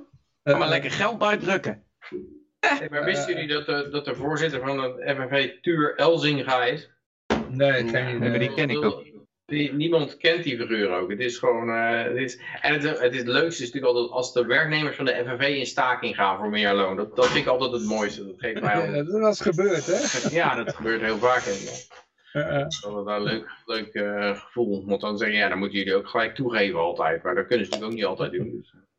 Maar, maar laatst had iemand er zoiets van, laten we de hele FNV maar automatiseren. Dan hadden ze zo'n bericht Ja, ja, ja. geplaatst van, eh, de lonen zouden automatisch mee moeten stijgen met de inflatie. Ja, maar gaan ze ook vragen dan om 12% loonsverhoging? Ja, eh, eh. Ja, het is natuurlijk al, die inflatie is al meer dan 12%. Dus ze moeten eigenlijk reëel gezien om, om, om, om 16 of 17%. En, maar eigenlijk je al 20% vragen, want je krijgt toch nooit wat je vraagt. Je eh, kunt nou maar best beginnen met 25% loonsverhoging. Ja, maar wat ze ook zeggen is, mensen houden geen cent meer over of gaan niet meer naar de dokter omdat het te duur is. Werkgevers moeten de portemonnee trekken. Ze zeggen nooit van eh, de overheid moet de belasting omlaag doen. Dat zeggen ze Ja, eigenlijk nooit. eh. Ehm, Het verbaast me ook dat het nou bij de benzine gebeurde, dat er een klein beetje belasting van de benzine afging. Ja, dat, eh, Was dat het kwartje van Kok wat eindelijk werd teruggegeven? Ja, was het volgens mij niet eens hoor. Nee. Ja, volgens mij was het kwartje van Kok, dus zo werd Ja? het in, eh, in de media gebracht in ieder geval. Dat eh, eindelijk, en na 30 jaar, een einde kwam aan het kwartje van Kok. tijdelijke, nou, het was dan toch een tijdelijke maatregel. Hè? Ja, ja, Het heeft 30 maar, jaar, eh, 35 jaar geduurd. Maar je hebt, dan, je hebt nog zo'n maatregel van Joop den Uyl, dat was de, de wet op arbeidstijdverkorting. eh. Leuk, die, tijd, ja? die tijdelijke maatregelen, die zijn al van mensen die al heel lang dood zijn. En voor de jongere kijkers, Den Uil. ja, ja, ja. Ik denk dat die, dat, die, dat die 1971 afschaffing van de gouddekking van de dollar, dat het dan ook nog een keer wordt teruggedraaid of zo. En dan, Dat is eh, ook een tijdelijke maatregel, hè? dat is ook tijdelijk inderdaad. Dus- En het ging er vanaf op eh, 35 dollar per ounce. En dan komt het waarschijnlijk terug op 10.000 dollar per ounce of zo. Ja, maar het was tijdelijk. Het is weer, eh, dan zijn we terug.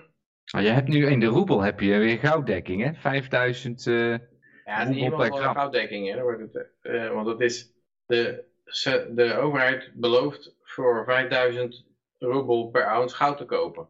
Maar een echte gouddekking zou gram. zeggen, zou 5000 zijn, roebel per gram, niet per ounce. per goud, gram, inderdaad. Maar echt gouddekking zou zijn, eh, je kan je 5000 roebels inleveren en dan krijg je een, een gram goud. maar dat zeggen ze niet. Iedereen. zeggen andersom, zeggen, eh, je kan bij ons een gram goud inleveren, dan krijg je 5000 roebel. Ja, ja, ja, precies. Als je het wil kopen, dan is het meer.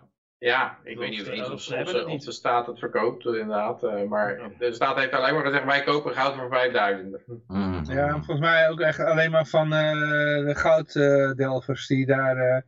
Rusland is een van de grootste gouddelvers van de wereld. Oh, is het zo? China, China is de grootste producent, weet je. En die exporteren ook helemaal, die exporteren geen goud, hè, dus die zitten dat gewoon allemaal zelf op te hokken. En eh, wat, wat, wat ze ook in China deden was geloof ik eh, eh, tin en dan eh, goudlakje eroverheen en hebben we goudstaaf.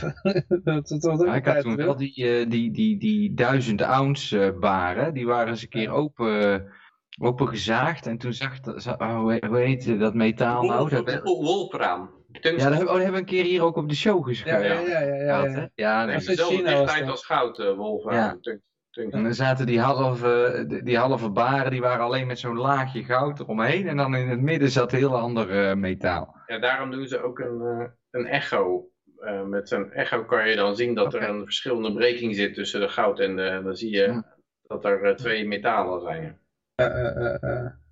Ja, maar dat was toen vanwege een van de corrupte ambtenaren zat erachter en die zat zo zijn eigen zak te vullen. Ja, ja je, verwacht het niet, hè? Maar hoe dan ook, ja, dit, is inderdaad een, de FNV-ideeën zijn echt van uh, economische nulwaarde. Van, nou, wat je moet doen als inflatie hoog is, moet je gewoon, ja, gewoon meer loon doen. En het, natuurlijk gaan de lonen ook omhoog. Dat gebeurt vanzelf, dat merk je al, dat er loondruk is. Uh, omdat een loon is gewoon een prijs van arbeid. Het is, het is een andere prijs. Dus net als alle prijzen gaat die ook omhoog. Het is alleen niet zo dat alle prijzen gelijk gaan. Het is, soms gaat de prijs van nikkel enorm omhoog. Dat laatst met die nikkel squeeze. En dan gaat de prijs van, de, van timmerhout gaat weer enorm omhoog. En dan, uh, dan uh, gaat de prijs van olie weer omhoog. En het is, het is allemaal een beetje uh, ja, dynamisch. En, en de prijs van arbeid die kan ook opeens omhoog gaan. waarom niet? Ik hoorde trouwens dat uh, in Montana, daar uh, waren ze weer aan olie aan het boren. Oké. Okay. Tegen uh, de wil van Washington in. Oh. oh dus dat vind ik wel leuk. zijn het. Ja. ja. Die krijgen een bezoekje. Ja. Ah, ik vind het wel leuk dat die, die individuele staten gewoon, ja, dus, eigenlijk sinds Biden zit, is, is een gedeelte al direct in opstand gekomen van we gaan niet mee in die gekte. Maar in Montana is op zich ook, ik weet niet eens of dat een republikeinse staat is eigenlijk. Dat een, oh, ja. nou, Washington, ja, Montana misschien wel, ja, dat is misschien wel republikeins, ja. Hm. Zet me iemand in het chat. Ja, het is wel, uh, het is wel geinig inderdaad. Dat, uh, ja, er werd ook, de, de White House zei van, uh, ja, de oliebedrijven moeten niet zeuren, want ze hebben wel over te weinig licenties. Want ze hebben genoeg licenties waar ze niks mee doen. Ja, dat, dat als je een licentie hebt, dan denkt de overheid ook gelijk dat daar olie uit de grond spuiten. Als je, oh, we hebben een licentie gegeven om hier op het strand te boren of zo. Uh, ja, er zit geen olie alleen. Ja, hé, hey, dat is niet ons probleem. dus ja, er zijn natuurlijk van die dry holes waar, gewoon, uh, waar, waar niks geen olie uitkomt. Uh, ik heb het hier nog even opgezocht. Montana heeft 57% gestemd op Trump. Oh, die zijn wel republikeins. Ja, voor de verkiezingen, ja. Ah, oké. Nou ja, goed. Maar nou, ook goed dat die Republikeinse staten een beetje hun eigen koers vallen. Maar wat, je wel, wat, wat, raar, wat ik wel raar vind, is die. Ik sprak laatst met uh, Adam Williams. En Williams. Ja. Die zit nu in Florida. Ja. En, uh, maar zijn vriendin die kan niet overkomen. Want uh, je moet gevaccineerd zijn. En ik, ik hoorde dat ook al van die, die Novats. Die, die moest ook gevaccineerd worden om op bij een toernooi in Florida mee te doen. Ik dacht, hè, Florida is toch zo tolerant?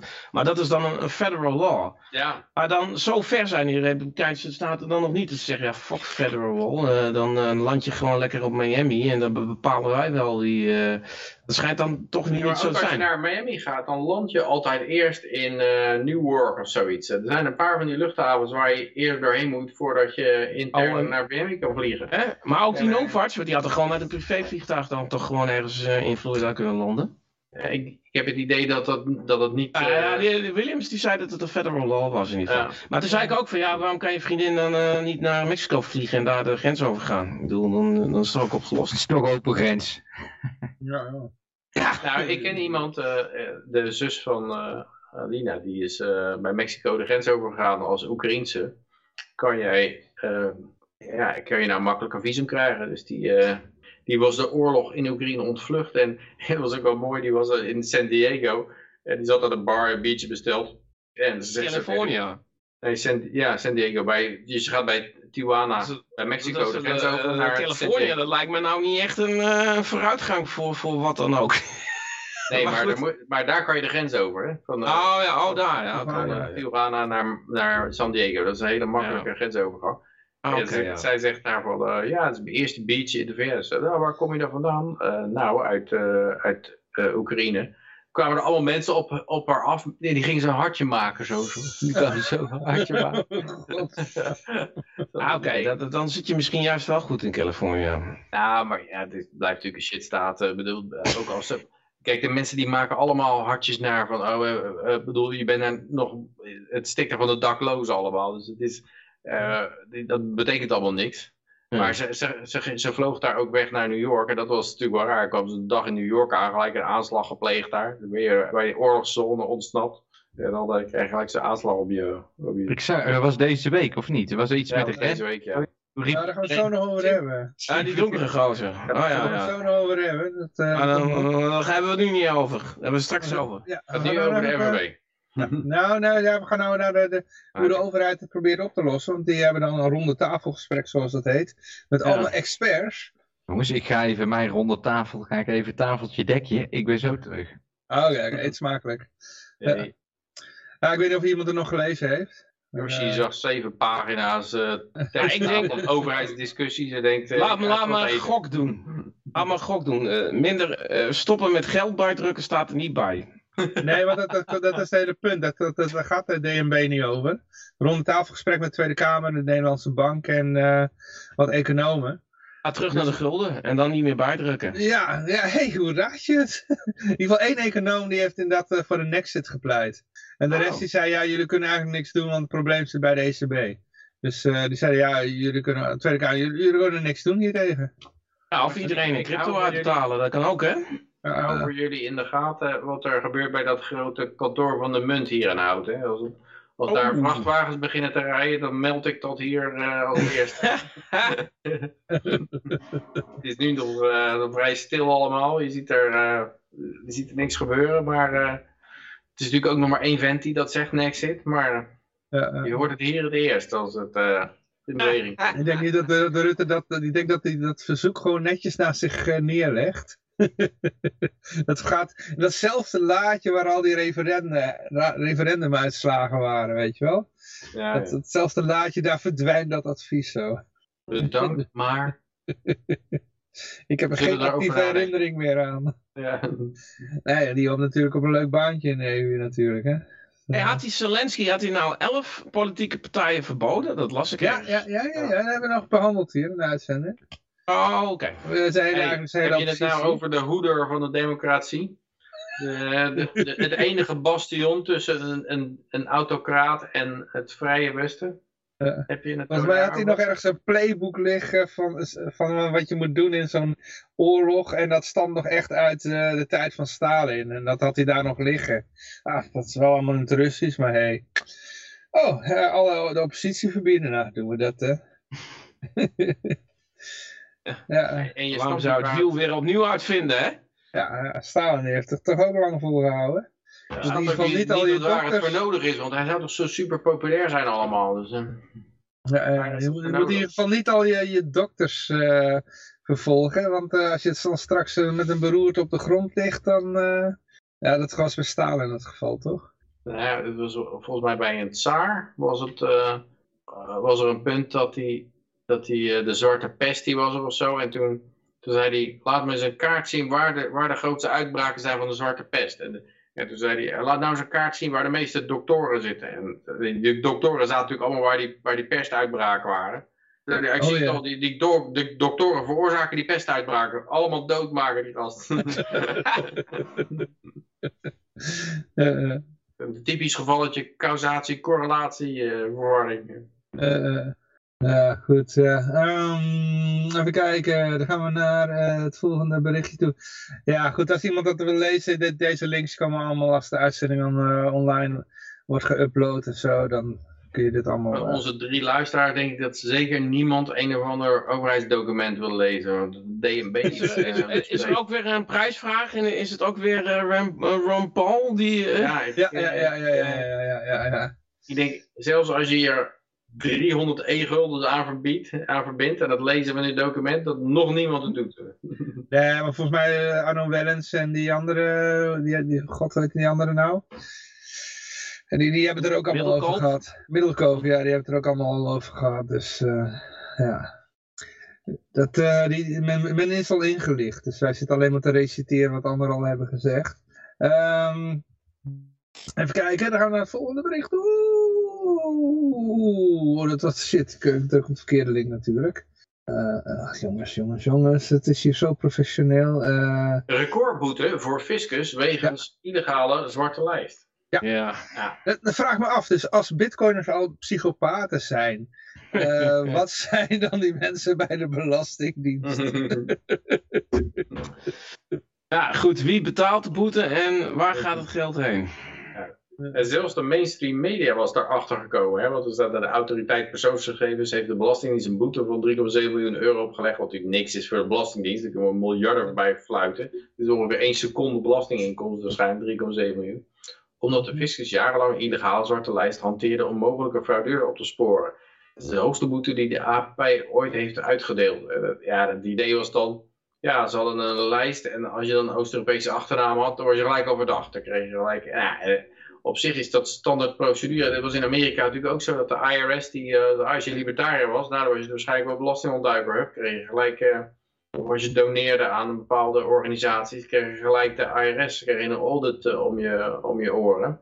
En eh, ja, dat zal hier niet anders zijn, denk ik. Bij de, het is natuurlijk bekend dat bijvoorbeeld mensen uit Oost-Europa wat minder, ja, wat minder respect hebben voor de overheid.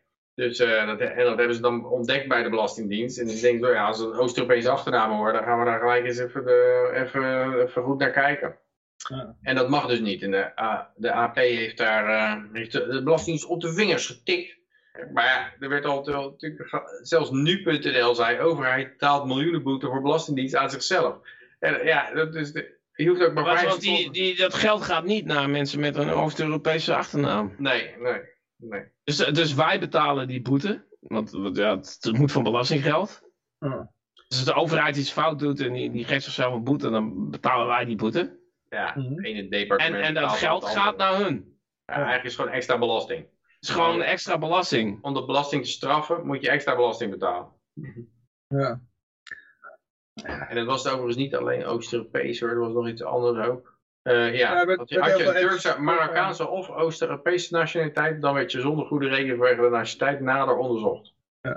Ja, etnisch, pro- werden etnisch geprofileerd, eh, ja, klopt. Ja, nou ja, goed. Voor, voor mij is het wel gunstiger dat ze etnisch profileren dan dat ze, dat ze gasten van Vrijheid Radio gaan eh horen. Ik wil nogmaals benadrukken Dat dat, zal ik, de dat ik volgende stap zijn, vreugde ik. uit mijn hart belasting betaal. Zo heerlijk. Echt, ik krijg gewoon een ontzettende stijf als ik weer belasting betaal. ja, eh, Maar, ja, het Jullie toch ze- ook? ja, ja. ja eh, Wat ik wil zeggen, is het volgende wel wat ze gaan doen. Als ze niet meer mogen etnisch profileren, ja, dan gaan ze kijken wat ze wel mogen doen. Ja, dan gaan ze kijken naar eh, politieke eh, voorkeur, weet je wel. Hm. Dus ja, Ja, dat, is, dat is nog niet strafbaar. Dat was altijd al in Amerika ook het geval. Dan mocht je niet naar ras kijken, maar dan keken ze bijvoorbeeld naar postcode voordat ze een hypotheek verstrekten. Want dat, eh, ja, dat was een goede proxy was dat dan. Ja, maar- maar op een gegeven moment mag je dan ook niet meer postcode discrimineren. Ja, maar dat is, dat is nog steeds gebruik, ook gewoon bij de, de bank doen ze dat hoor. Dus eh, ja, Postcode. Kijk, ja, er wordt heel, de postcode wordt nog heel veel gebruikt. Ik heb toen, ehm, toen, met, eh, toen ik met campagne bezig was bij de, met in de campagneteam zat van de, van LP. eh, toen was, had ik eh, iemand erbij gehaald die zelf eh, in het verleden werkzaam was geweest eh, bij een bank. En die kwam met die tips. Die zei, ja, dit doen we bij de bank ook. We, kijken gewoon naar postcode en dan weten we heel veel over die, die mensen. Dus, eh, en hij zegt van, nou ja, als je, gaat, als je gewoon eh, stembureaus eh, eh, wil weten van hoe mensen stemmen in een bepaald gebied, dan kijk je naar het district waar die stembureau zit. En die postcodes, en nou, nou, in ieder geval hij had een Excel-sheet gemaakt en dan kon hij precies zien van, oh ja, hij had de data erbij gehaald van koopwoningen. En zag hij dat, eh, hij zegt van, nou waarschijnlijk mensen die in de koopwoning zitten, die stemmen veel eerder libertair eh, LP. En daar zou je moeten flyeren. En hij keek dus eh, van, ehm haalde door een database heen en toen kwam die, in de output zat dus dat mensen die liberaal stemden inderdaad een koopwoning hadden. Dus als je Maar- VVD en, en, eh, en D66 stemde, dan had je vaak ook een koopwoning. Ja, ja, tegenwoordig is het al zo dat je, Ja. als je huizen instort door aardbevingen, dat je dan ook VVD gaat stemmen. Terwijl je vroeger dan SP stemde. ja, ja, ja, dat is wel raar hè. Een vreemde wereld. Ja, maar zelfs toch in dat, eh, dat communistische gebied, daar gingen ze in, in Oost-Groningen, daar gingen ze toch ook allemaal VVD stemmen. Ja, die zijn helemaal, die zijn helemaal van rood naar blauw gegaan. En, eh, ja. Ja, ja, op het moment dat je in één keer met, eh, via de post kon stemmen. hè? Ja, je, kan, je kan zeggen dat ze gewoon niet veranderd zijn. Ze stemden communist en ze stemmen nog steeds communist. Maar Ja, Ja, ze- ja. precies, ja, klopt zo. Ja, ze stemmen dan wel op die ene communist die er tien jaar lang niks aan gedaan heeft. eh, ja, Ja, ja, aan die eh, vergoedingen van, van die... eh, ja, ja. zo weer Ah. Mm, mm, mm. Maar ik- Ja. ik, weet dat eh, met die, hoe heet het, met die postcode, daar doen ze ook vaak die juryprocessen in Amerika. Je hebt natuurlijk recht op een jury, maar dat, dat moeten ze natuurlijk ook zo, zo omvormen dat, dat, dat je er geen zak meer aan hebt. En dat doen ze door eh, bijvoorbeeld te zeggen, wij, we selecteren een hele jury uit deze postcode waar allemaal militairen wonen of zo, of allemaal ja. ambtenaren. En, dan, en als, je dan, als jij dan eh, ja, voorgevoerd wordt vanwege belastingontwijking, en je hebt een hele jury van allerlei belastingverreters voor je. Ja, dan weet je al wat de uitkomst gaat worden. Dus hartstikke guilty. Dus je hebt ge- geen schijn van kans. Terwijl ze toch gewoon, ja, we hebben gewoon een random mensen gekozen uit deze postcode regio. Dus eh, ja, postcode kan je een hoop mee doen nu. En dat was ook maar een gevalletje toen met die, ehm wat die nou, eh, Hugo de Jonge.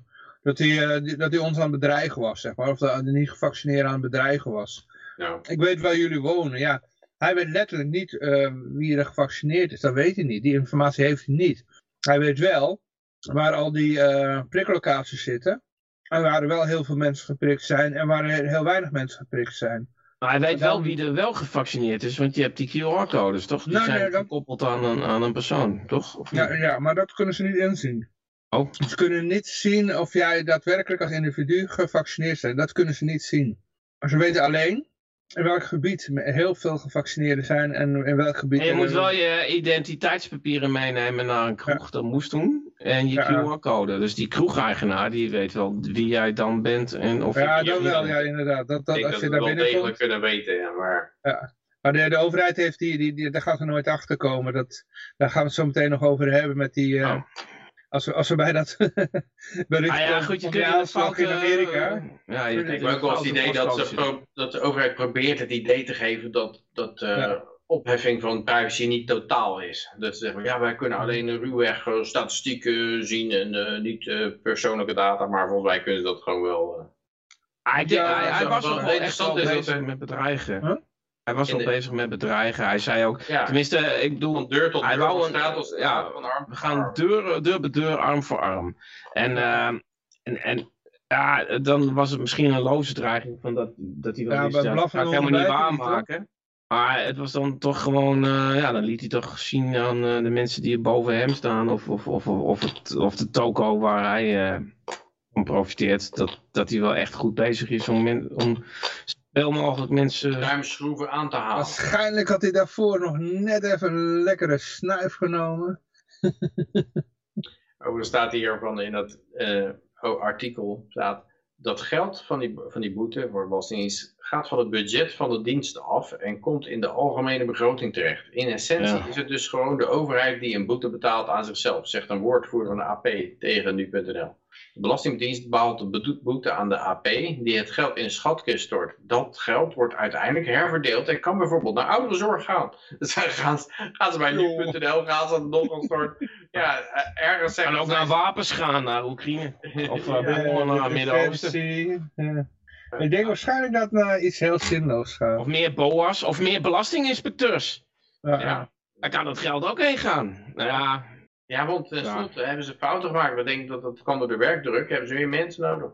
Ik denk als het naar ouderenzorg, daadwerkelijk naar ouderenzorg gaat, dan komen er alleen maar meer adviseurs bij. ja eh, Wat wel zegt, Ja, is, nou, nou, nou, dat het geld niet rechtstreeks bij de gedupeerde van de zwarte lijst terechtkomt. kijk, het kan nee, natuurlijk nee. ook zo zijn, dat, want dat klinkt natuurlijk heel leuk, dus van, dat kan ook naar ouderen zorgen. Dat mensen zeggen, oh, maar ja, kijk, die ouderen die worden tegenwoordig allemaal opgesloten, hè. En, die, en, en er zijn ook ouderen die zijn uit het raam geklommen, hè. Dat heet ouderenzorg. Ja, daar is iemand op zijn Ja, gestapt en van het balkon gesprongen. hè? Ja, precies. Maar dat je wat je, wat je nu, nu het is eigenlijk verpleeghuizen een soort gevangenissen zijn tegenwoordig, hè, als er griep is en zo. En want, want er zaten dan ook bijvoorbeeld van die, ehm, dat ze ook eh, van die hekken plaatsten. Want er waren mensen die gingen nog voor het raam zwaaien naar een oudere. Daar wouden ze ook vanaf. Of, of die gingen, iets door het raam geven of zo. Ah. Er, gebeurde, er gebeurden dingen. Kan je niet hebben. Nee, dat kan je niet hebben. Dus je hebt ook gewoon veel meer, eh, ja, je hebt veel meer hekwerk nodig. En misschien ook wel eh herdershonden en, en meer eh. Wachttorens. Prikkeldraad. Ja, En dus- dus ze gaan daar niet adviseurs voor ontslaan. Nee, dan, dan moeten de, de, de verplegend personeel, daar wordt dan op gekort om dat te kunnen financieren. En wat Ja. mooi is, is dat wat wel zeker is, is dat het geld niet rechtstreeks bij de gedupeerden van de zwarte lijst terechtkomt. Hoewel de AP erg hard was voor de fiscus. het kan natuurlijk wel gebeuren dat het geld wordt gebruikt voor een betere ter- fraudebestrijding. De woordvoerder van het kabinet kon echter niet zeggen wat er met het geld zal gebeuren. Maar het is, het is natuurlijk raar dat het artikel begint van... het gaat van de ene dienst naar de andere dienst binnen de overheid. Dus het maakt eigenlijk netto maakt het niks uit. En dan gaan ze het daarna de hele tijd hebben over hoe dat geld besteed wordt. Van die boetes. Maar Ja. of het een oudere zorg wordt besteed of aan, aan puppies. Van, de, van blinde geleiderhonden of zo. Of, eh, maar er is gewoon helemaal geen geld. Hè? Dat is eigenlijk Ja. de essentie van de overheid. Er is geen geld. Maar ze gaan wel hebben, discussiëren over hoe, aan wie ze het al niet gaan geven. Maar dan is het ook, als die boete er niet was geweest, dan, dan, ehm, dan was het dus met die ouderenzorg, dan, wat, wat hadden ze dan moeten doen met die dan, eh, dus die- het is ook wel heel erg nodig, die boete eigenlijk. Anders hadden ze toch misschien wat ouderen moeten euthaniseren. Als die boete Ja. niet was gekomen. Misschien hadden ze dan wel een adviseur ontslagen. Maar ja, je kan niet eindeloos gaan korten op het personeel. Hè? Dus, eh. maar de Tucker Carlson, ehm, Dit is ook nog een mooie zin even. Het zou, het zou maar raar zijn als de overheid plots geen boetes moest betalen. Dus ja, dat kunnen we niet hebben dat de overheid... En ik weet, ik weet nog wel dat mijn vader vertelde, die bij de universiteit werkt in Delft, dat hij zei van... eh, en dat ik dan vroeg als kind van waar komt... Want geld was dan... Ik merk dat geld belangrijk was. Dat was al te weinig van en zo. En waar komt het geld dan vandaan? Ja, dat krijg ik voor mijn werk. Maar, maar wie geeft het dan? Ja, ja, de overheid. Maar hoe komt die dan aan dat geld? Want ik wil gewoon weten waar de bron was. Ik denk, ja, dat sluit er wel over kort. Ja, dat komt van de belastingbetaler. Ja, wie is dat belastingbetaler? Ja, dat ben ik. Toen had ik gelijk al het idee, wat, wat is dit voor per, per, perpetuum mobile? eh, dit, eh? Ja, die ambtenaren die zeggen van ja, ik betaal ook belasting. En, Ja, net zoals de overheid ook. Oh ja, ze kan niet hebben dat de overheid geen boetes hoeft te betalen. Dus de overheid moet ook boetes betalen. Maar ja, het slaat natuurlijk nergens op. eh. Net zoals ambtenaren die belasting betalen, nergens op slaat. Een leraar zei dat een keer tegen mij. Van ja, ik, ben, ik betaal ook belasting. Was dat, ging om, eh, dat was in die coronatijd. Dat, ehm, ehm, mijn kinderen konden niet naar school. En, en toen was op een gegeven moment eh, weer mijn zoon was weggestuurd. Want eh, ja, er was weer één iemand die had een snotneus. Dus dan worden er gewoon 35 kinderen worden dan weggestuurd en zo. En ze worden niet geëuthaniseerd, die kinderen. Dat is al heel wat. Nee, dat zal misschien een volgende stap weer zijn. Maar ehm, ik zei van, nou ja, waar, waar betaal ik eigenlijk belasting voor, zei ik. En wat, wat, wat, wat is dit allemaal voor hysterie? En eh, toen ging die leraar mij uitleggen van, eh, ik weet niet of het een leraar, of ook, volgens mij gaf hij ook nog part-time eh, economie. Ook, hij. Was, hij was maatschappijleraar en zo, en, en, en, en- Ja. maar hij gaf ook economie. En zei hij, ja, maar ik betaal ook, ik betaal ook belasting, zei hij. joh. Dan ging jij zeggen van, eh, jij betaalt, dus je hebt nog de keuze ook om het niet te betalen. Nee, dat zal hij dan wel zeggen van niet. Nee, nee ik heb niet. Nee, maar hij, hij, hij, hij denkt dan dat leraren hun eigen, het eigen onderwijs eh, financieren, omdat die leraren ook belasting betalen. Eh, eh. Dus, dus, ja, maar je, kijk, je betaalt pas belasting als er ook nog een keuze is of een optie om te zeggen nee, nee, ik betaal niet. Nee, want ik Dan betaal, je, Ik, heb, ik, dan heb- kies je ik betaal zelf ook voor. belasting, maar ik, ik heb ook geen keuze, toch? Ah, ik vond het wel schokkend Nee, dat je, je economie betaalt, dan, gaf. betaal je, dan, dan betaal je geen belasting, dan wordt het van je afgenomen. Dan wordt automatisch van je loon afgetrokken. Dat is toch Je wel- hebt geen inspraak op. Dat is toch wat belasting is? Dat het gewoon... eh, Ja, ik- ja, het wordt afgepakt. Het wordt afgepakt. het wordt afgepakt, ja, maar dat is... Kijk, Ja, dat klopt, ja, maar ondernemers- je, je, je krijgt Ondernemers hebben nog meer een keuze. Ondernemers hebben nog gewoon- een keuze. Die kunnen zeggen, nou ik ga een, een belastingconstructie doen dat ik het in Monaco betaal of zo. Of in, in Liechtenstein of zo. Ja, ook geen keuze, dat is allemaal minimumtarief en, die, en dat is enorme... Dan roep je ik heb, uh, Armageddon over je af hoor, je, als je dat soort constructies... eh, ik heb ook zo'n constructie Ja, dat is eh, uiteindelijk, uiteindelijk is dat wel gebleken. Maar dat je dan op een lijst komt te staan. eh. Ja, dat is uiteindelijk ook wel gebleken daar met Van Manders, met de Haagse Juristencollege. Dat, ze, dat zelfs als ondernemer heb je die keuze inderdaad niet. Maar, maar Maar je kan inderdaad ook zeggen van, nou ja, nee, ik, ik, ik ga niet betalen als ondernemer. Ja, dan komen allemaal gewapende mensen op je af.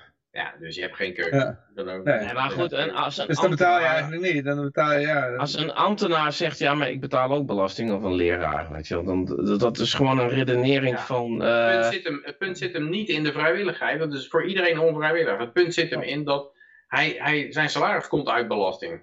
Ja, maar netto gezien betaalt hij natuurlijk, Nee. hij betaalt wel iets terug, want dat betekent dat hij iets Ja. minder heeft dan... dan maar het, het is een soort redenering van, ja, als, als ik een krab bier op eh zuip elke dag, dan kan ik leven van het statiegeld, weet je, dat slaat nergens op. ja, ja. Ja, het is een, een, een stomme redenering en dat is ook al een leraar en die geeft een economie aan een van mijn kinderen, ik vind het verontrustend. Ja. Dus het is, het is ook dan gewoon, ik betaal eigenlijk belasting, netto dan zien, en voor, Mm. voor zijn salaris. Maar het is ook nog eens een keer weggegooid geld, want die lui die kunnen niks. Nee. Ik moet het allemaal weer afleren wat ze mijn kinderen vertellen. Oh. Je wil een leraar gaan uitleggen. het is gewoon dubbel werk. Ik betaal, ik, betaal, ik betaal aan de ene kant belasting en aan de andere kant ben ik nog gewoon uren bezig om aan die kinderen alles af te leren wat ze op school hebben geleerd. Het is gewoon, eh, ja, het is helemaal niet handig. Ah. ja, kon je ze maar van school afhalen, hè? Ja, nee, maar dat, is, dat, dat, dat leer, eh, wat was het ook alweer? Leerrecht had je vroeger en dat is leerplicht geworden. Ja, eh, Ja, dan dat is 100 dat jaar. is niet meer. vaak eh, geval dat een recht opeens in een plicht verandert. Ja, Eh, dus nou, in, indoctrinatieplicht hebben we. Ik had er wel op school, hebben- ja, nee, in middelbare school had ik eh, inderdaad discussie over. Dat ze zegt dat het een leraar recht was. Oh, je zei, oh, dus ik kan gewoon naar huis gaan. Eh, nee, nee, dat kan niet. Ik zeg, hoezo niet? Het is toch een recht? Ik kan dat recht... Na ja, nee, maar het is een recht. Ik zeg, ja, maar dan kan ik toch naast hem neerleggen. Ik, ik, ik bedoel, als ademen een recht is, dan kan ik ook toch zeggen, nou, ik stop met ademhalen. Ik bedoel, ja. Ja, dat was aardig mijn hand op school, vind ik. eh. Ja, ja, ja, ja. ja. Maar vroeger was het recht. Dit soort dingen bedacht ik mij nog niet op mijn middelbare school. Nou, ik wel. Toen, toen, toen zeiden van het recht. Ja, dan- oh, dan ga ik gewoon naar weg. Eh, Wat, doe, wat de doe ik hier eigenlijk? Ik leer toch gewoon heel, zegt, nou, nou bedankt voor dat recht hoor. Eh, Ja. Dokie. Ja, toen bleek het inderdaad een plicht te zijn. Ja. Maar Carlson, eh, een van de gast eh, in Amerika. Fox News, eh, een van de gro- grootste Fox News eh, programma's heeft hij. Maar wat waarom ik dit eigenlijk wilde zeggen. Ten eerste moet ik even zeggen dat ik had dit gelezen dat hij dit had gezegd. Toen denk ik, ik ga dit zoeken op Google. Je vindt geen enkele link ervan. Zelfs als je bijna helemaal intypt. Pack of Wild Dogs, Democrat, Tucker Carlson. Dan, dan vindt hij nog niks bij Google. Ga je naar yandex.ru toe. Die, die, van die autocraten, weet je wel, die, die eh, zoekmachine van die vreselijke eh, meningsverslindende uh, knellende autocraat. Dan staat er gelijk bovenaan, het eerste artikel eh, wat je... Oké. En, eh, maar, maar, en ik heb dit al een paar keer gehad. Ik kan op Google gewoon niks meer vinden. Zelfs als ik de zoektermen helemaal goed, eh, goed invoer, dan... eh, Daarom ja, gebruik ik Google. Google. Nou, Ja, dat moet ik eens proberen dan. eh. Maar geen Ja, DuckDuckGo eh, meer. Je kan, eh, Nee, nee, DuckDuckGo is een nee, beetje nee, exit. ja. Eh. Gewoon een googlesearch.nl. DuckDuck- En, eh, DuckDuckGo, die gingen ook iets eh, censureren. Dat, ja. Gingen die nou mee meedoen? Nou ja, die hadden ook weer iets met de Oekraïne geloof ik. Gingen zij dingen ver veranderen in de zoekmachines. Maar ik zal even uitleggen wat Google is. Het eigenlijk is een script dat je zelf moet installeren. Er zijn een aantal mensen zo vriendelijk geweest om eh, hun script... eh, nee, ik, ja, het ik zei om hun script publiek te maken. Dus Google Search is dan bijvoorbeeld eentje, googlesearch.nl. Maar eh, eigenlijk moet je dat, is de bedoeling dat je het zelf gewoon installeert op je computer. En dan kan je gewoon zelf gaan eh, gebruik maken van de kernel van eh, Google. En schakel je eigenlijk alleen maar alle scripts uit van, van Google. Hmm. Er zijn die scripts die, die zeggen van dat, je- dat je gesponsorde links krijgt en zo. Dus wat je eigenlijk ziet, de eerste 20 pagina's zijn Maar- tegenwoordig alleen maar gesponsorde links. En het is allemaal propaganda. En dan, dan krijg je pas nou, bij pagina 20 krijg je echte zoekresultaten. Dus eh, en dat script dat, dat schakelt het allemaal uit. En dan krijg je gewoon de echte zoekresultaten van Google. Ja. En ze kunnen je ook niet tracken, want dat wordt ook uitgeschakeld.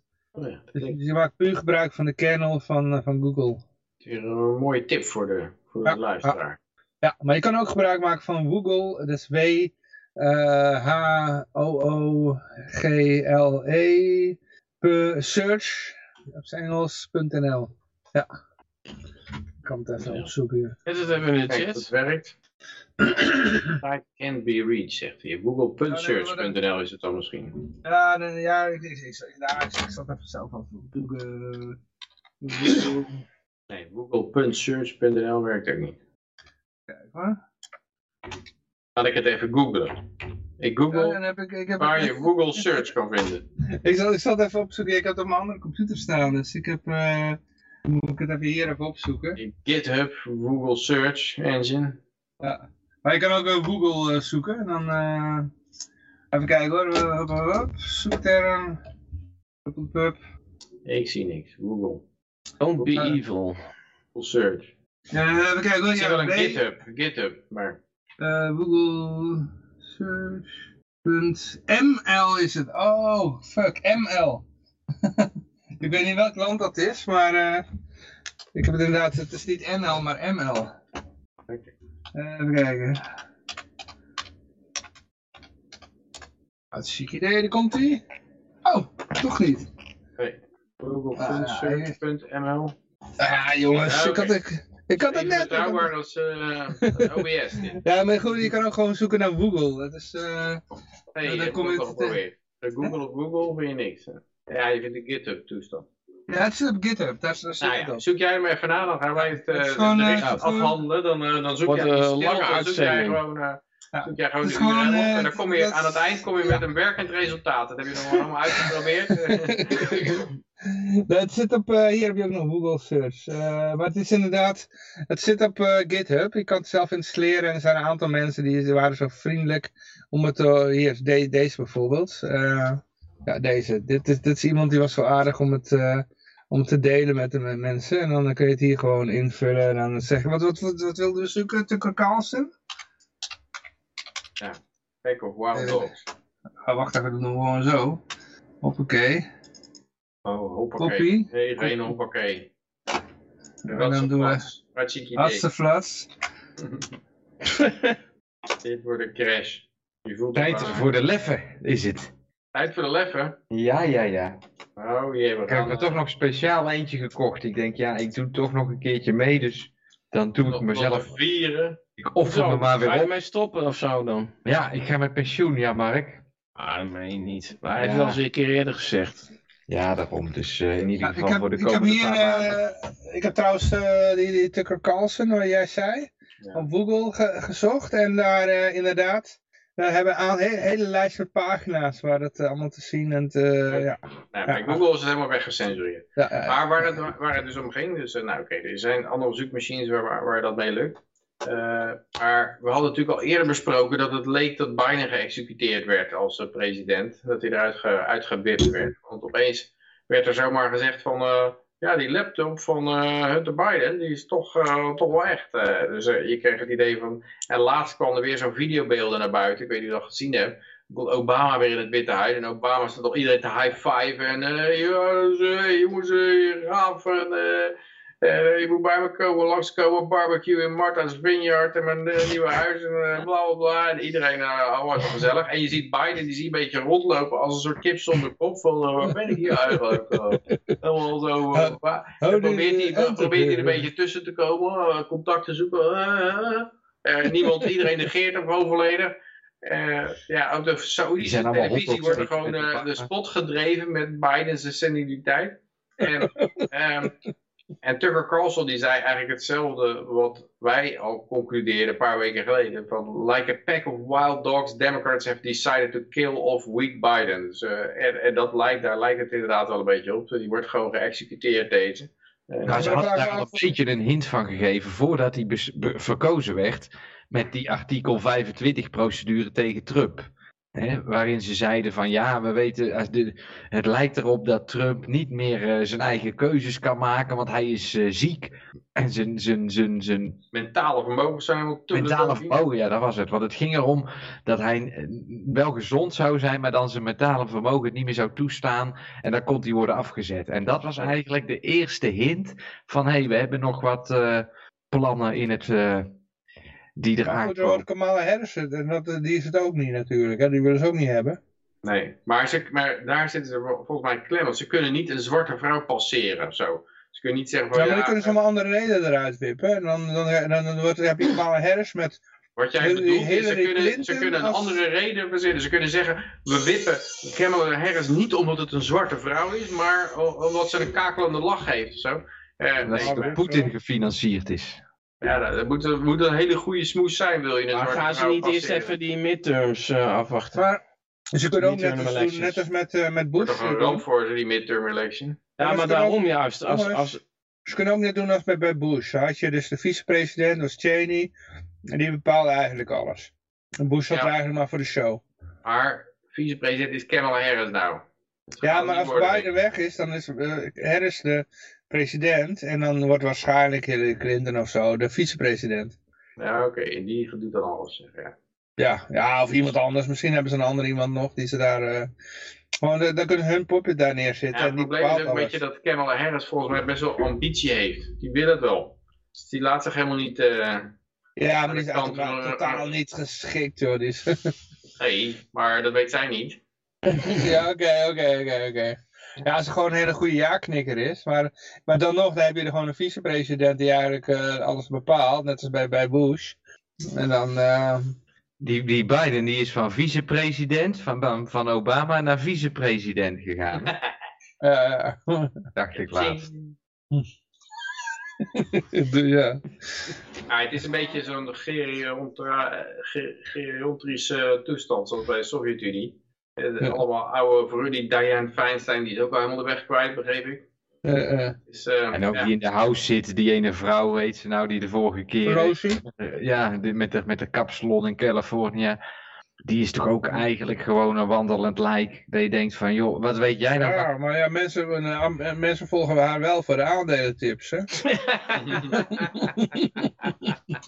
Dat is de laatste kwaliteit die nog overeind blijft eh, bij se- seniliteit. Hè? Dat je weet nog steeds hoe je een bedrijf moet naaien of moet ophemelen en er dan voor aan kan verdienen. Dat, eh, ja.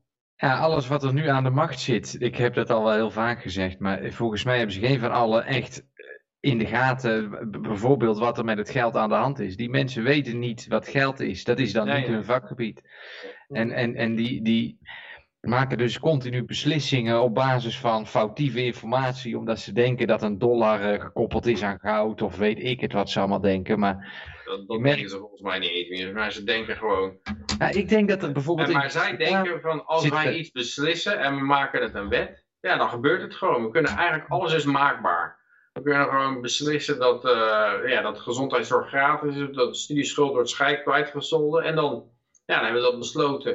En het schijnt zelfs dat bijvoorbeeld de Fed, de in Amerika heel erg tegen dat kwijtschelden of eh, dat bevriezen van de Russische tegoeden was. Ze hebben daar, daar ook weer Pandora's box mee. Dat is, eh de Fed heeft, heeft wel door van, en die hebben heel erg gelobbyd daartegen. En uiteindelijk ze gewoon verloren, want ja, de overheid beslist gewoon voor, ja, jullie geneuzel over economische zaken is, is irrelevant. En dat was bij Hitler ook wel het geval. Hitler die Oh. had een hekel aan economen. Want eh, hij, hij vond die, die, de politieke wil, dat is het belangrijkste. Daar gaat het om. En niet eh, wat economen te, te brabbelen hebben erover. Eh, economische, of de, de politieke wil moet leidend zijn. En dat is bij die, bij, bij die democraten ook zo. Eh, ze, en bij de republikeinen waarschijnlijk ook. Dat, dat het is van, eh, ja, als wij iets willen, dan willen we dat. En dat, wij zijn de baas, dus, dus gebeurt dat ook. En eh het geneuzel van centrale banken of economen of zo, dat, dat, ja, dat, daar geven we gewoon geen zak om. Nee. Onze wil is wet. Ja. ja, ja. Ja, Toch denk ik dat er bijvoorbeeld in de Eerste en Tweede Kamer zitten er echt, een, nou, ik, ik, mijn schatting is 10, 20 mensen tussen die 150 of hoeveel zijn het er, 200, die, ehm, die echt denken dat goud eh, de, de basis is van de euro. Ja? Ja, dat hoe denk weet je dat? Eh, je Nou, door, door, nee, ja, door, door opmerkingen die er worden gemaakt of eh, als we spreken over eh, dat soort onderwerpen. En ja, dat is mijn in- indruk geweest over de afgelopen zoveel jaar. Lijkt me ook wel logisch, want dat is inderdaad hoe ze geïndoctrineerd waren. toen, toen, want ja, het zijn allemaal oude knarren natuurlijk. En eh, dat, toen werd dat allemaal nog geleerd op school. Dus, eh, Ja, mensen die echt 50 plus zijn, die, die, eh, die dus hebben geleefd in de tijd dat er nog wel een koppeling was tussen dat goud en, en de rest. Ik, Ja, ik, die- ik, ik weet nog dat ik dat, ik had dat boek van, dat ook al twintig jaar geleden, Friedrich van Hayek, Road to Serfdom, was ik aan het lezen. En toen kwam er iemand, een oudere man. Oh, leuk. Want ik had de, de Nederlandse uitgave van uh, Hartog. Uh, die had het vertaald. Dus ik zat dat te lezen. Ja, oh, dat moest ik vroeger ook op school lezen. Dat een oude man die voorbij... Wauw. Ja. Andere ja, ja, ja, andere tijden. Ja, toen, toen, toen moest je dat nog lezen, kennelijk op school. dus, uh... Maar die mensen kunnen toch ook de goudprijs zien en dan zien ze toch dat er geen, geen correlatie is tussen de goudprijs en de ja, euro. Wie, wie, Dus dat, als wie doet zolang, dat, joh? Wie doet dat? zolang de goudprijs verandert in euro's, dan is die dus niet gekoppeld. Mhm. Mhm. Nee, maar dat er dus de, de goudreserves van Nederland, dat die, st- dat die eigenlijk de ruggengraat zijn van de economie. Dat soort dingen geloven die mensen. En Maar ja, ik ik- geloof niet dat, die, dat het gekoppeld is. Dat, eh, dat, dat hebben ze ook wel. nee, maar wel dat er een bepaalde dekking is, zeg maar. Dus hoe, hoe, hoe meer goud iemand heeft, hoe, hoe rijker dat hij is. Dat is in zekere zin natuurlijk ook. Ja. Maar ze denken ook dat de, de hoeveelheid goud de betrekking heeft op hoeveel geld je kan lenen. En dat is eigenlijk niet echt zo. Want de hoeveelheid die je kan lenen ligt eraan hoe efficiënt jij belasting kan heffen over jouw bevolking. Of tenminste, dat zou het moeten zijn tot eh, twee jaar geleden voordat de corona begon. Of eigenlijk 2008, voordat eh, heel die... eh, eh, zeker tot 2008 was de kennis over, over mon- monetaire kennis was gewoon totaal afwezig in de politiek. Nu, nu niet meer. Nu zijn, nu zijn ze aardig voorgelegd. Er, er is in de afgelopen tien jaar tijd echt heel erg veel veranderd. Echt heel veel. Bijvoorbeeld door bitcoin. En dat is voor, voor mij ook de reden dat bijvoorbeeld een corona in het leven is geroepen. Omdat het, ja, ze moesten afleiding vinden, want iedereen die was er aan het achterkomen. Maar ja, Ja, maar daar moeten ze blijven, mee door blijven gaan dan. Eh, dat is natuurlijk wel een moeilijk verhaal, eh, denk ik. nou, tot op heden zijn, lukt het ze toch al eh, twee jaar. Ja, dat is ook wel knap, ja. Ja. Maar het wordt crisis na crisis dan. Er zit niks anders op dan de ene crisis aan de andere te rijgen. Ja. En de volgende keer wordt het eh, climate, climate change. En dan wordt het, eh, komt de corona in de winter weer terug. Ja. Ja. Ja, maar het is toch wel een playbook wat, wat mijn hele leven uh, maak je dit al mee, weet je wel. Ik, ik weet nog wel toen, uh, toen die, die, net die, uh, die hysterie was rond de, de corona, dat kwam toen naar Nederland toe, weet je wel. Eerst was nog een dingetje in China. Was nog voordat ik McAfee uitzending had. Ja, Dan begon het toen, een dingetje in toen Nederland te worden. toen Baudet nog eh, voor lockdowns Ja, pleitte. ja, ja. Toen, toen, uh, ik weet nog ik toen, toen tegen mijn vrouw zei, van, ja, die begon daar ook een beetje, uh, toch, een beetje bang te worden van dat het allemaal naar Nederland zou komen. Ik zei, ja joh, ik, ik, ik zei toen, uh, volgens mij van, ja, ik heb, ik zat op te sommen wat ik allemaal overleefd heb. De Y2K-bug heb ik overleefd, de gat in de ozonlaag, de... De, de, de zure regen heb ik overleefd. Uh, nou ja, de, de opwarming van de aarde hebben we overleefd. Nee, nee, dan ga je nog steeds in dood. Dat, dat zit echt heel ja, maar was te doen, ja, wel heel veel dingen die ik overleefd had. De Koude Oorlog heb ik ook nog overleefd. De, de afkoeling van de aarde heb ik ook nog overleefd. Want er zou een nieuwe ijstijd komen. Uh, God, dat heb ik allemaal niet overleefd, joh. ik ben er nog steeds. Ik denk, nou, dit zal weer, weer zo, dat dit soort hysterie zijn, weet je wel. Dat is zure regen en, en, en al die bullshit. Y2K-bug, zouden ook allemaal doodgaan. Ja, dus, nou ja, goed, ja, dit is, dit is gewoon de, de zoveelste veerporn die ze doorheen jassen om, uh, om het ja, maar het is nou, de koers te houden.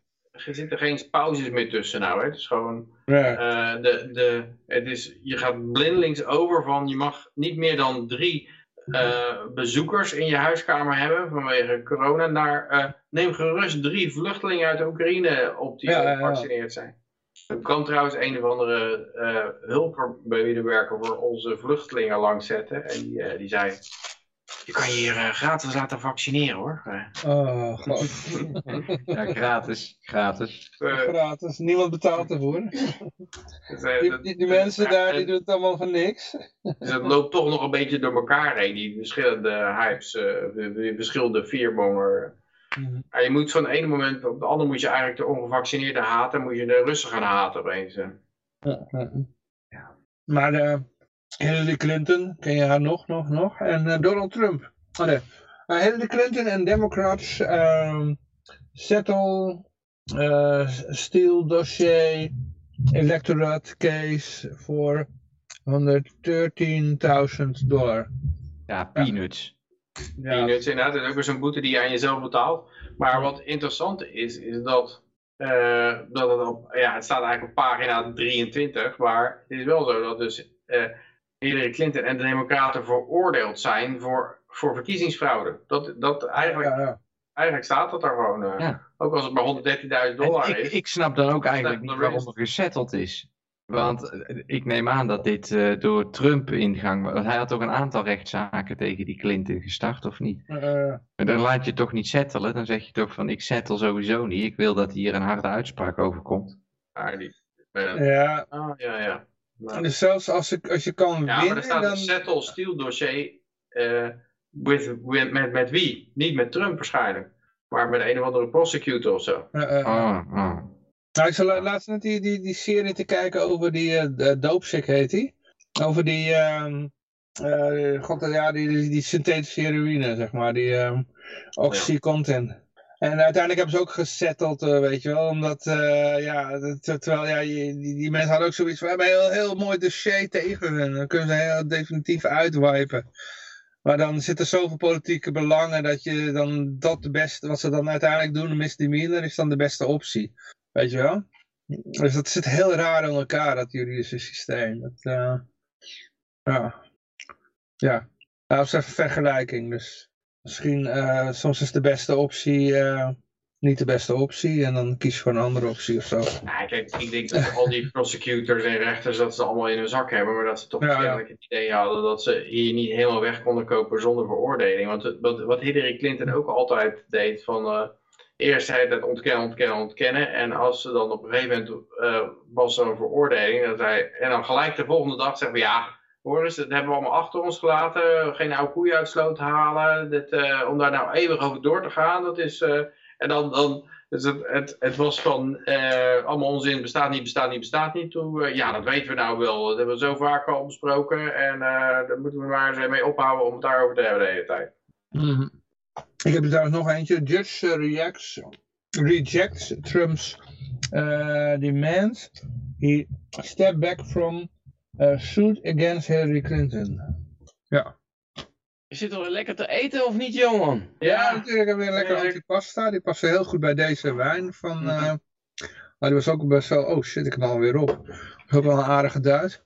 Anders dan eet je even. Neem maar even alle berichten over. Dan uh, hoef je niet uh, volle mond te praten. Ja. Dan uh, gaat het ook heel hard. Gaan er jak, jakken we er even doorheen. Nou, wat is het bericht over Trump dan? Die, uh, de rechter die uh, wijst iets af van Trump. Even kijken. Rechter verwerpt eis van Trump om uh, step back van lawsuit. Kennelijk heeft Trump iets van, ja, deze rechter, wacht even, dat is niet helemaal, dat is niet helemaal een eerlijke rechter. ik vind dat jij terug moet trekken. En, een soort wraking. Ja, wraking inderdaad. En, Trump die zegt van, uh, ho ho, ho ho. Of, of, die rechter zegt van, nee, ik ben prima in staat om dit te doen. Het gaat over Judge Donald Middlebrooks. Emphasized that he has never, me either of the Clintons, and uh, met, never met probably either of the Clintons and was confirmed by unanimous consent in the Senate requiring backing from both parties. Nou, Trump zei natuurlijk van ja, het is, uh, het is een uh, rechter van, uh, van het Trump, van het Clinton-kamp, denk ik. Bedoeld mm. door Clinton of zo. Ja. hij is wel uh, begonnen nu met het aanklagen om zaken van die, wat we hier net voor ook al noemden, dat, dat Russia, die Russia-hoax. en ja, nu dat hij bijvoorbeeld die laptop van, van Biden erkend wordt, ik zie daar toch nog wel iets in gebeuren. Ja, ik heb het, het verbaast me eigenlijk nog hoe dat rechtssysteem toch doorkluift. En dat het toch kennelijk heel moeilijk is om iets helemaal onder het tapijt te vegen. Ik denk dat, dat je, je stopt het bij een goede rechter weg. En die, die geef je een slap on the wrist van, 100, van een ton. Wat natuurlijk 0, niks geld is. Uh, de media publiceren er niks over. En je kan eigenlijk niks meer zeggen als Trump. Zegt, ja, maar dat we toch netjes afgehandeld. En uh, het is allemaal uh, kan en kruiken is gedaan. En ja, met Hunter Biden heb ik meer het idee van, ja, dat is meer een executie van, van Biden. Dat ze zeggen, ja, die moeten van die vent af. En uh, uh, ik weet niet wat hun plan is, wat, het, wat ze er dan in gaan schuiven. Ja, ik denk zelf dat, dat Biden zijn einde niet gaat halen deze vier jaar. Want hij, hij valt nou al in van het podium af. Ja. De cijfers schijnen ook gewoon te slecht de, voor democraten. Ze moeten iets anders hebben. Maar volgens mij zitten helemaal klem gereden met die woke shit. Want, want een zwarte vrouw die kan je niet passeren. En als je, als je haar uh, president maakt, nou, dan, dan is het ook, uh, daar wordt er niet veel beter van. Ja. ja. Ja, de NOS heeft ze gewoon onverminderd steun hoor, wat er ook aan de hand is van de NOS. Ja, de NOS die, uh, die gaat gewoon dapper door. ja. ja, ik vraag me af als je een poll doet onder de Afro-Amerikanen in Amerika over Kamala Harris, of, uh, of ze er wel heel hoog uitkomt hoor, dat vraag ik me af. Bedoel, door haar zijn er nog nooit zoveel zwarte mensen de bak in gegaan. Ja, en ze viel, ze viel uh, ook al gelijk bij de voorrondes al af natuurlijk, zelf, op, eigen kracht. Het is dat ze, er, dat ze erbij gesleept werd. Ja, de excuusnegerin. Ja, showneger. Ja. En ik vraag me ook af of ze echt uh, uh, zo zwart is. Want, want volgens mij is net die, je had toch ook eentje die zich voordeed als een indiaan, uh, terwijl het helemaal niet was? Ja, die Elizabeth Warren. Ja, en dan had je nog die... die een onderzoek laten doen. Nee, die was 1024 Indian was. Ja, Pocahontas. Ja. Heeft genoemd. En dan had je die Latino AOC. Die, uh, als je de oude videobeelden van haar ziet, dan is ze gewoon Amerika, uh, gewoon, nou ja, dus lijkt ze gewoon een normale blanke Amerikaanse meid. Uh, en, en in één keer gaat ze de politiek in. Gaat ze heel een, een beetje haar, een, een Mexicaanse huishoudster nalopen doen, weet je wel? ja, ja. Om maar een beetje in Latino over te komen, terwijl ze dat vroeger helemaal niet deed. dan gaat ze met die ogen helemaal wijd open en, en een gekke bek trekken. Alsof ze een zure uh, citroen heeft zitten kauwen. Ja. ja. Dat soort mensen zitten op een gegeven moment verstrengeld in hun eigen leugens. En dan ja, zegt er iemand, weet je wat, als jij nou doet alsof dat je een Mexicaanse huisvrouw bent, zorgen wij ervoor dat je wat extra funding krijgt. Nou, ja, ja, ja, gaat zo iemand daarin mee. Dat, dat is in ieder geval wat ik ervan geloof. Want ja. bewijs het maar eens natuurlijk. Maar eigenlijk zijn dat de racisten, die maken echt een issue over iemands ras of afkomst, weet je wel.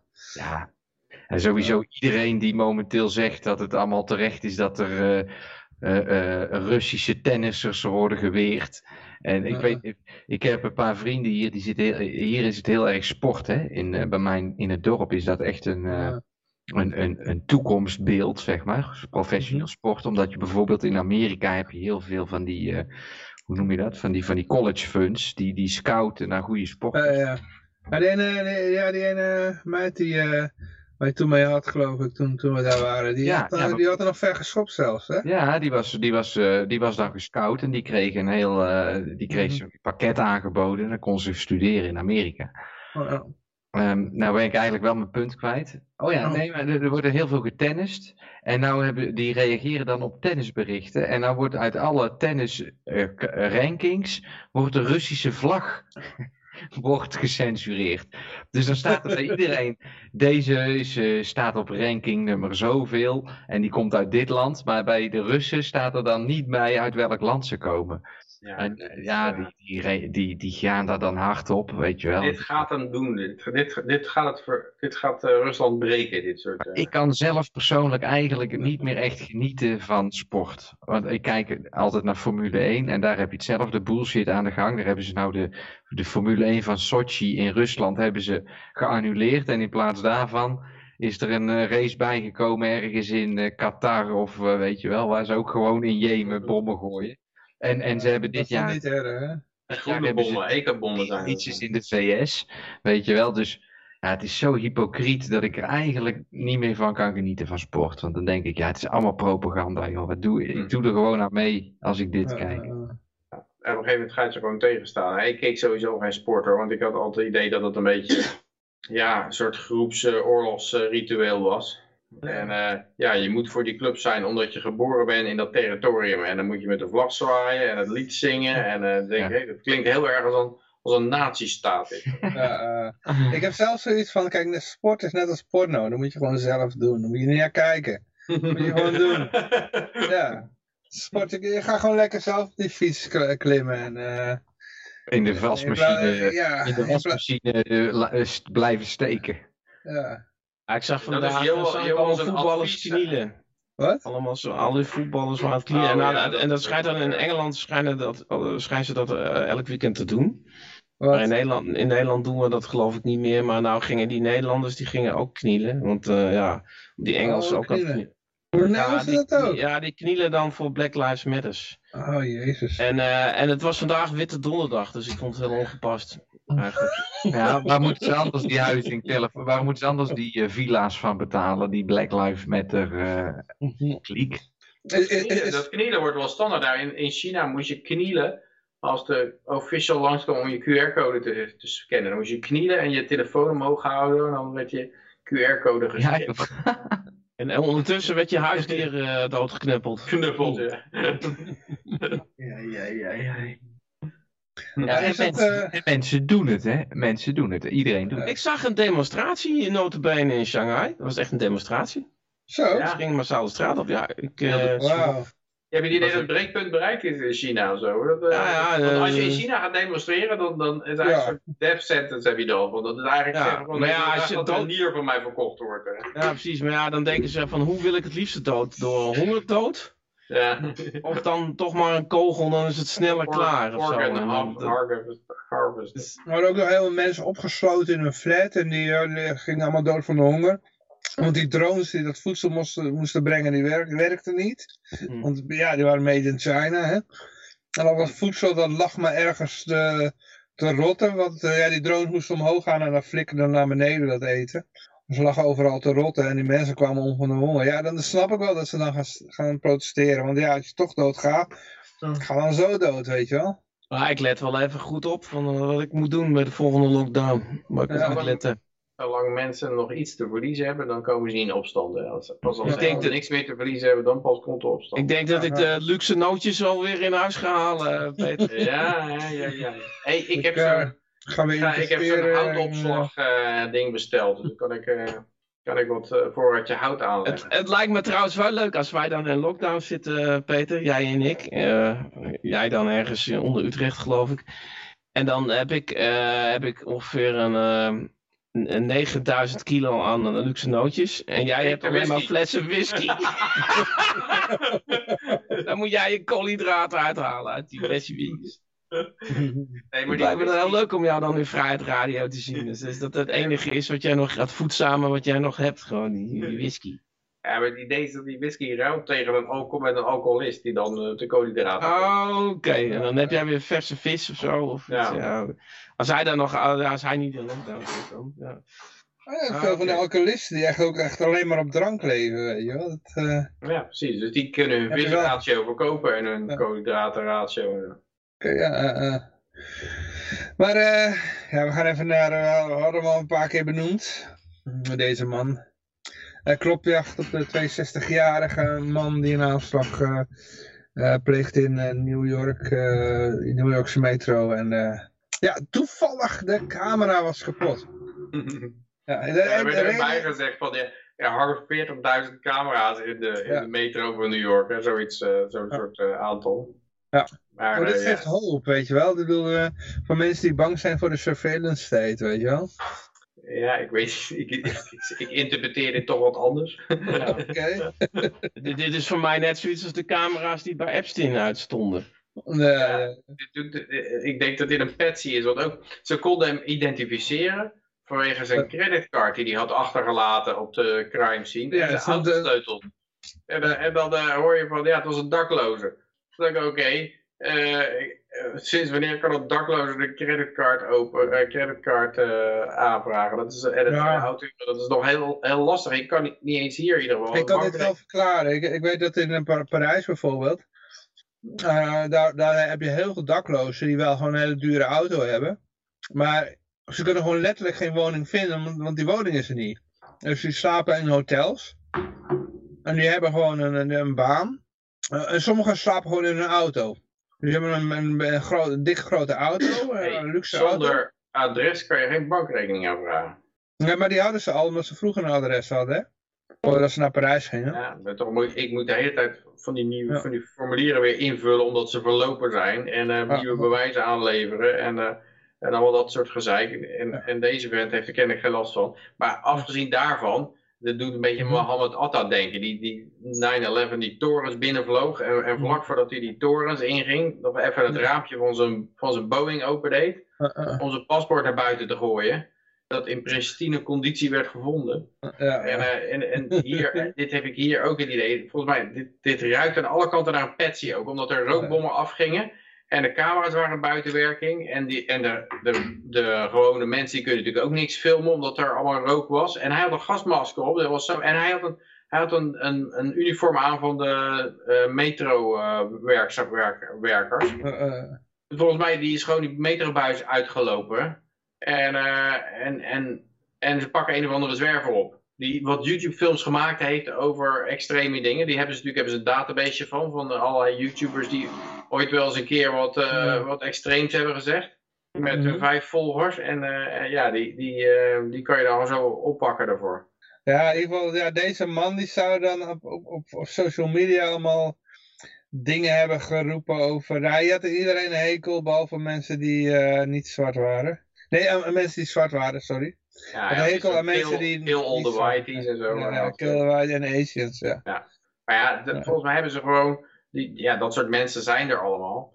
Maar hij had ook gezegd van, ja, ik heb ook wel eens de behoefte gehad om iemand te doden, maar denk na. Je moet, je moet eerst nadenken voordat je wat doet. Dus, eh, ja, Eh, eh, hij, had ook, hij, had ook, hij had ook mentale problemen gehad en was daar, hij was hij daar mentale zorg, eh, eh, eh, ja, die had, hij had van die pillen gehad en hij had, eh, het is alleen maar erger geworden. Ik ben nog bozer geworden aan die pillen. Maar, ja, kijk, de- dat is Misschien had om hij bitcoin gekocht, hè? Daar word je ook psychopaat van. Ja. Ja, ik denk dat, dat het meer is dat, dat er zijn een heleboel van dit soort lui. En die hebben ze gewoon een database. En als ze dan een patsy nodig hebben, dan trekken ze gewoon zijn verhuur eh, open.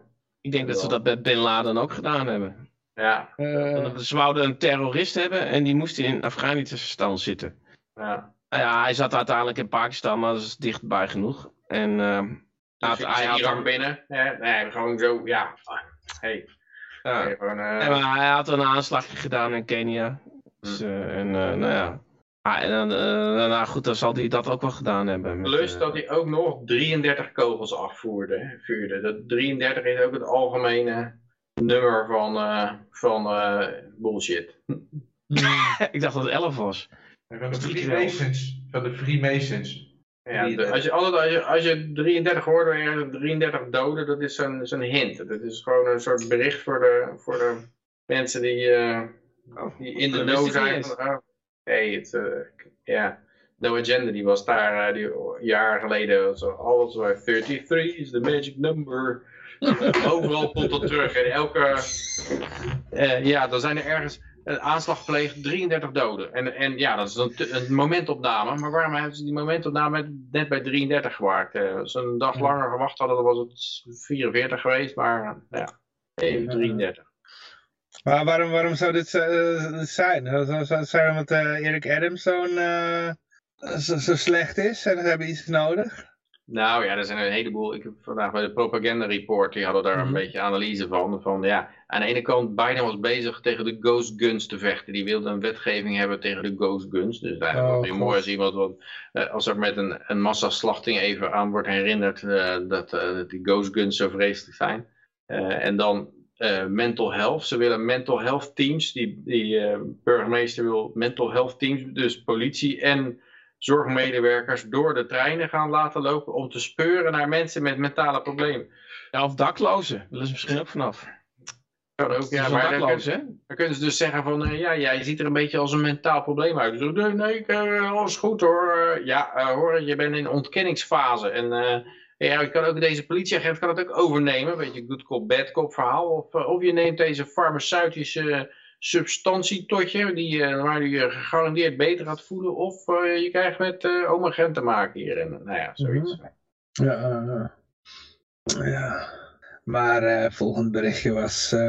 Oh, En, deze, dat is ook wel mooi, Ja? dus black supremacist, dus het is iemand die, die het zwarte ras beter vond dan alle andere rassen. En, en, en die burgemeester is ook stad, zwart in New York. Eh uit voorzorg is de politiebescherming van de burgemeester Adams opgevoerd. Ja, dat is wel belangrijk. bang. En verder die dan in Ik de was in één keer metro... bang. I'm Ja. too white. I'm too white for this nigger. Eh, Ja. Er is iemand in de chat zegt nog, tering, zet die camera eens uit als je zit te vreten. Ben ik dat of was jij dat, uh, Yoshi? Oh, dat zal ik wel geweest zijn. Ja, de vorige keer werd mij wel gevraagd of ik de microfoon wilde muten. Dus dat had ik netjes gedaan. Maar maak je geen zorgen, ik ben bijna met pensioen. Ik ben bijna met pensioen, dan kunnen jullie lekker van iemand anders. Ja, joh, jij mag hier gewoon komen vreten hoor. Ik bedoel... Uh... Oh, ja, dit gewoon. Ik, ik, ik, doe ook even mijn kaasje. Ik heb nog vijf reps te eten, dus ik ben ook wel... Uh, waarom stop je ermee, Yoshi? Waarom stop je ermee?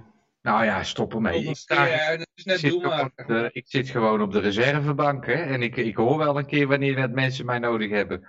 En tot die tijd ga ik me echt niet druk houden wat er in de Oekraïne gebeurt, want dat zal me echt aan mijn reet roesten. Dus uh, ik, heb, ik, heb, ik heb geen behoefte meer om op de hoogte te blijven van uh, de waan van de dag. Ik heb nou, snap je waarom ze de bitcoin een psychopaat noemen. Ja, ik heb, ik heb een zegje gedaan. En, uh, ik zeg nergens wat vandaan. De wereld leed twee keer zijn leffen te zuipen. Ja, precies. Als ik hier, als je ziet wat er hier bij mij in de pan ligt, nou dan zou je bijna, zou je daar uh, een schuldgevoel van krijgen van alle, van alle, alle, alle akkerbouw die ervoor gepleegd moest uh, worden. Maar... Potverdorie een boer heel hard voor moeten werken, joh. Ik heb mijn best weer gedaan en ik heb nu zoiets van na die hele covid en dit hele Oekraïne verhaal, de mensen die, uh, als ze, ze mogen geloven wat ze willen geloven. En ik, ik heb echt niet de behoefte om hun leven te veranderen of zo. Als zij allemaal met z'n allen uh, bijvoorbeeld een prik willen halen, moeten ze lekker een prik halen. En als ze allemaal hun bezittingen naar de kloten willen zien gaan door inflatie, moeten ze lekker sparen op de bank. En dan moeten ze het lekker zelf weten. Mij, mij zal het een zorg wezen. En als ze er wel iets mee willen, ja, nou, dan kunnen ze vriend worden van de i-gulden. En zodra die op een euro staat, dan uh, zullen de mensen er wel iets anders over denken. Ja, uh, uh. Ik heb hier nog een fake nieuwsberichtje. Oh. Ja, het gaat over de informatieoorlog en daar hebben ze gewoon fake nieuws voor gebruikt. Ik zal het even voorlezen zoals de MSNBC dat zegt. MSNBC. Oh, zo moest het uitspreken, geloof ik. Uh, in a break with the past, uh, US is using Intel to fight an info war with Russia, even when the Intel isn't rock solid. Ja, gewoon fake news. Ja, de, de, de VS gebruikt fake news om de VS, of om, om, om, om Rusland te bestrijden ja. te bevechten. Ja, dit, was al, dit was al eerder, uh, hadden, ze, hadden ze bij uh, in de New York Times. altijd toch al? nee, tot nu toe was het altijd zo, de VS was een bastion of truth en de rest van de wereld waren leugenaars. Maar New York Times had al gezegd over Oekraïne van, ja, ja, kijk, allebei de kanten gebruiken propaganda, maar in Oekraïne is het voor een goed doel om het moreel, moreel hoog te houden. Maar eigenlijk gaven ze weer een manier toe dat dat ze logen ook. En ik denk dat dat is omdat de leugens gewoon te groot zijn om, om te handhaven. Dus je ziet nou bij heel veel dingen dat uh, als, er, als er weer gezegd wordt van uh, ja, uh, Poetin heeft geprobeerd een, een heleboel baby's op te blazen, dat, dat de Amerikanen zeggen ja, we kunnen het niet bevestigen. En, en dat, dat is volgens mij omdat ze denken van ja, dit is allemaal, dit is allemaal zo ongeloofwaardig. Als wij dat allemaal gaan napraten, dan gaat onze geloofwaardigheid helemaal de grond in. Voor zover dat nog kan hoor, want je hebt natuurlijk 17 intelligence agents die uh, de laptop Russian disinformation noemden. Dus eigenlijk is hun geloofwaardigheid al naar, naar aan barrels. Nou, ik vind de timing van dit bericht op 6 april vind ik wel interessant. Want een paar dagen later begonnen ze die dat hele verhaal, ik weet niet eens meer de stad, de naam van de stad, maar die ja. werd... ja, was het 3 ja, april, toch? 3 april was het volgens mij. Ja, maar dat, dat hangt volgens mij een beetje samen met dat verhaal. Ja, ik denk inderdaad dat de Amerikanen denken van ja, dit is wel een beetje, beetje ver gezocht. Uh, we gaan dit niet helemaal keihard, we gaan hier niet helemaal keihard achter staan. Uh. Ja. ja, precies. Dus als je, als je nou zegt van, hé, hey, later van, ja, dat is complete bullshit. Dan zeggen ze, ja, maar we hadden gezegd, we hadden gewoon... Ja, kijk maar, op 6 april uh, hebben we het gepubliceerd. 6 april hebben we gezegd, ja, we gingen ook met informatie in zee die niet helemaal rock solid was. Dus we hebben, dus, dus, ze zitten zich in te dekken tegen al te grote leugens. Eigenlijk is het een beetje hetzelfde in het verlengde van wat die hoofdredacteur van de Volkskrant toen zei. Van ja, we moeten gewoon de overheid napraten, want het is zo'n zware tijd. We hebben het zo moeilijk. Ja. Kunnen Ja. moeten allemaal. Dus als het leugens zijn, spreek ons er niet op aan. We hebben hierbij aangegeven dat, eh, dat er eh, af en toe misinformatie... Dat was, was eigenlijk ook al met COVID zo, hè, dat ze zeiden van ja, we gaan vechten tegen misinformation. En dan stond erbij sterretje misinformation, not necessarily untrue information. Dus eigenlijk was het gewoon, ja, het kan gewoon ware informatie zijn die we misinformation noemen. Maar eh, ja, dat hebben we hierbij aangegeven. Eigenlijk zeggen ze gewoon, onze CEO CEO is ook naar Epstein's Island geweest. Eh, It's totally on board. Ja, eh, eh, de misinformation is inderdaad al wel een tijdje oud, hè? mhm.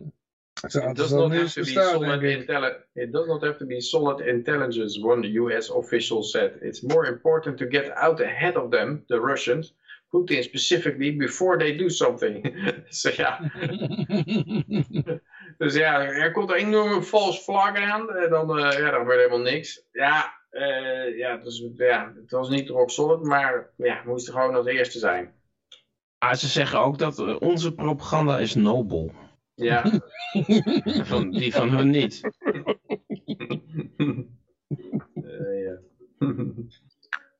Ja, dat is natuurlijk sowieso, hè. Als jij aan de goede kant staat, als jij een Oekraïns vlaggetje op je Facebook eh, plaatst, dan hoor je er helemaal bij. En als jij een, eh, een, een Davidster met ongevaccineerd neerzet, dan ben je een extremist. Dus Ja, ja het rare is ook, het was natuurlijk helemaal not done om ongepaste holocaust-vergelijkingen te maken. Daar kon je voor veroordeeld worden. Maar nou zag ik weer voorbij komen dat Elon Musk die Twitter opkoopt, dat is gewoon een nazi-quadroon, eh, extreme rightist eh, propaganda zou er dan eh, naar buiten komen. En, eh, ja, dan denk ik van, oh, oh Maar als- de BlackRock- holocaust-vergelijkingen mogen weer of zo. Maar als BlackRock het doet? Eh, ja, Ah, er was Ja, een maar- of andere vent Rijg heette die en die zei van dat eh, Ja, die hebben vrijheid op het internet en eh, ongecontroleerd Right. internet, dat was de natte droom van elke dictator. Ja, ja. ja. ja, Ja, vrijheid en een gebrek aan eh. controle, dat is wat iedere dictator wil. ja, die, hadden we eh, tussen acht, die hadden we tussen 8 en 9, eh, Jan Mark. Oh, sorry, het spijt me verschrikkelijk. Maar we zijn er bijna doorheen, jongens. Wat- Eh, we gaan nou even naar de aliens toe. Of komen ze naar ons? Of komen ze naar ons, Johan? Nou, ja, in ieder geval het Pentagon heeft een aantal documenten even in, in, in de ronde geslingerd over eh, UFO-programma's. ja. Ah, dat zou nog wel echt iets zijn voor koning Wappie, maar ja, er bestaat niet meer koning Wappie. Want dat is een... eh, dat is, eh, dat het Pentagon Yoshi, daar aan te eh, schuiven. Stop je ermee en dan eh, gaat, in, Ja. eh, ja, gaat Pentagon op jou toe. eh. Het is wat.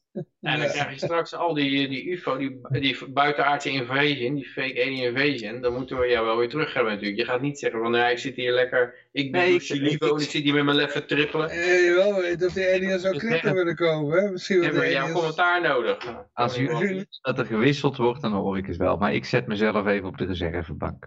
Ja, misschien wel de aliens wel egels kopen, joh. Ja, Nou ja, het Nee, leuke dat met aliens, met, leuke aliens is natuurlijk... Kijk, als jij, als jij iets doet met klimaat of met virus...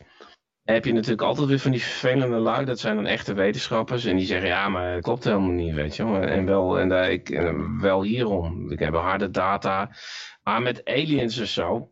Ja, dan, dan is het... Ik denk dat het dan lastiger wordt voor Willem Engel om te zeggen van... eh, nou, ik heb juist eh, ik heb een studie gedaan in, in aliens, naast dansleraar. En ik zeg dat het allemaal niet waar is, eh, weet je wel. Aliens is, is denk ik wel ideaal van mensen bang wil maken. Dan, eh, Ja, dat Ja, is de een- uiteindelijk, eh, die, die is al heel lang aangekondigd. Hè? De, de alien invasion is de manier om iedereen in het stramien te krijgen. Want dan heb je de perfecte gezamenlijke vijand. Ja, en je kan ook niks, je kan ook niet met die aliens praten. Hè. Met die Russen kan je nog zeggen van... eh, nou, Die ik praat alleen met Joe Biden. Hè? Die praat kijken wat, ja, die, die aliens praten alleen met Joe Biden. dus ze zijn de hele tijd niet te zien, die aliens. ja. Ja. Dat zijn ontzettend woke. Je moet ook schuld afkopen, denk ik, of niet? Maar daar krijg je natuurlijk Die weer hebben dat verschillende partijen zeggen van nee, nee, maar wij hebben ook een link met die aliens. Ze hebben ook met ons gepraat. En dat, dat kan je dan ook weer niet ontkennen natuurlijk. En eh, tegen ons zei ze heel wat anders hoor. Dus eh, wat, wat, hij is een valse profeet, krijg je dan. Nee, die, die andere is een valse Ja. profeet. ik ben de, Ja, ik ben de vroeger- ware profeet. Vroeger heb, werd zo'n heerser, die werd dan door God werd hij op de troon gezet inderdaad. En nu, nu kan er aliens, die kunnen Ja. daarvoor zorgen. Mm. Een lijntje met aliens. ja, dan krijg je al die valse profeten die met elkaar gaan vechten over... eh, ja, Maar jij zegt die aliens, die zijn ook woke. Ja, die zijn Die- ook dat- dat- ja. en ook enorm e- e- ervaren mensen zeggen, jullie vernietigen de planeet en jullie moeten geen fossiele brandstof meer gebruiken. En dan krijg je natuurlijk een enorme strijd over wat de aliens nou precies willen allemaal. Want dan krijg je op een gegeven moment steeds belachelijke dingen van, ja, de aliens vinden dat je drie face masks moet dragen of zo. En dan, Dan eh, krijg je dan ook een ufo met van die homo-kleuren en zo. ja, zo'n rainbow UFO.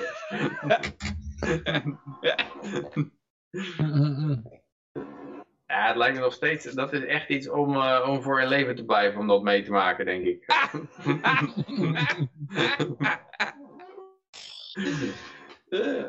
ik Maar staat er nog iets, eh, staat er nog iets noemenswaardig in dat artikel? Of, eh, iets als je dan, als je dan niet in aliens gelooft, dan ben je een wappie. Ja, ja, ja, ja, ja. ja. Dan word je de tinvol tinvol figuur genoemd, ja. Dat is dan 180 graden omgedraaid, hè. Eerst was je een wappie als je wel in de, in de aliens geloofde. Nou ben je een wappie als je het niet doet. Oh man, prachtig, ja. Oh, wat een tijden worden dat. Ze Ik kan niet wachten gewoon. Ik kan niet wachten hoor. dan gaan ze nog zeggen dat de aarde plat is, joh. Ja, daar Maar, kan eh, ik wel bij. Ja. Maar eh, staat er nog iets in om eh, te benoemen? Of, eh? Ik heb het niet gelezen. Ik heb,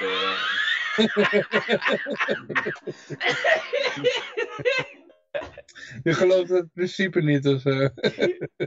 Ja, maar kijk, met- heb ik 17 intelligence agents die, die me gewoon voorliegen. Die hebben gewoon allemaal gezegd dat de laptop Russian disinformation is en dan is het niet zo. En dan komt, komt er een, een berg informatie over UFO's naar buiten, moet ik dat opeens allemaal wel geloven. Dan krijg je een of ge- underpixelated eh, ding met een tic-tac counter met de users limits en 204 met een kruis. Zie ik dan ergens in een bal en, eh, en, en eigenlijk zie ik gewoon niks. Nou ja, Het is, het is zoveel makkelijker om die laptop, eh, omdat dat is zoveel Ja, eenvoudiger je dan, laptop dan van één- erbij, dus dan hebben we wat leuke porno op, joh. Dus, ja. En je zegt net, niks met porno, je moet het gewoon doen. Net als sport. En wil je toch weer weten wat voor porno er op hun beide laptop staat. ja. Ah, maar eh, even kijken, volgende berichtje. Eh, China delivers anti-aircraft missiles to Serbia. Nou, dan moeten onze Serbia specialist Ja, nou is hij weg. eh, Nee, Ja, hij, is, hij, is er, hij is er nooit als je hem nodig hebt. Eh. Ja, eh, zal ik anders even, even tussendoor nog even de... Zit hij weer een Egels ref in zijn weggeven. mik te douwen natuurlijk. Nou, ik even tussendoor even egels Van die, weggeven. van die eh strontdure yoghurt te eten daar. Oh, wacht, daar komt hij, daar komt hij, daar komt hij, daar komt hij. Servië-expert. Wat is er? Over die Ja. Chinese, Chinese raketten. Ja, lijkt me een artikel voor jou, eh Yoshi. Ook door EU air, airspace gevlogen geloof ik hè? Dat weet ik niet. Ja, dat las ik ergens. Chinese transporter vliegen door EU airplay- airspace in Servië. Oké. Nee, ja, ze hebben inderdaad een goede band met China. Die bouwen hier allerlei eh, snelwegen op het moment. En, en, en eh, ze hebben laatst ook eh, een trein, nieuwe treinrails van eh, Belgrado naar Novi Sad. Dat echt, hier heeft het, eh, de hele economie ongeveer 30 jaar stilgestaan. Na sancties van de NAVO, omdat Servië schuldig zou zijn aan het uiteenvallen van Joegoslavië. En die economie, eh, er konden dus geen leningen worden afgesloten. En op een gegeven moment is China erin gestapt. En die eh, leveren dus, ja, bijvoorbeeld nu eh, ook anti-aircraft missiles. Servië is blij dat het een handelspartner heeft die het accepteert en die het wat laat doen. En ja, ik ben er allemaal niet voor natuurlijk, maar ja. Had liever gewild dat een, een bitcoiner dat deed. Nou, ze hebben hier nou laatst, ik zal eens kijken, ik heb het hier in de buurt heb ik het liggen, maar ik heb hier een eh, referendum hadden ze, zoiets Mhm. achtigs. Het was geen referendum, het was meer een, hoe zeg je dat dan, een burgerinitiatief.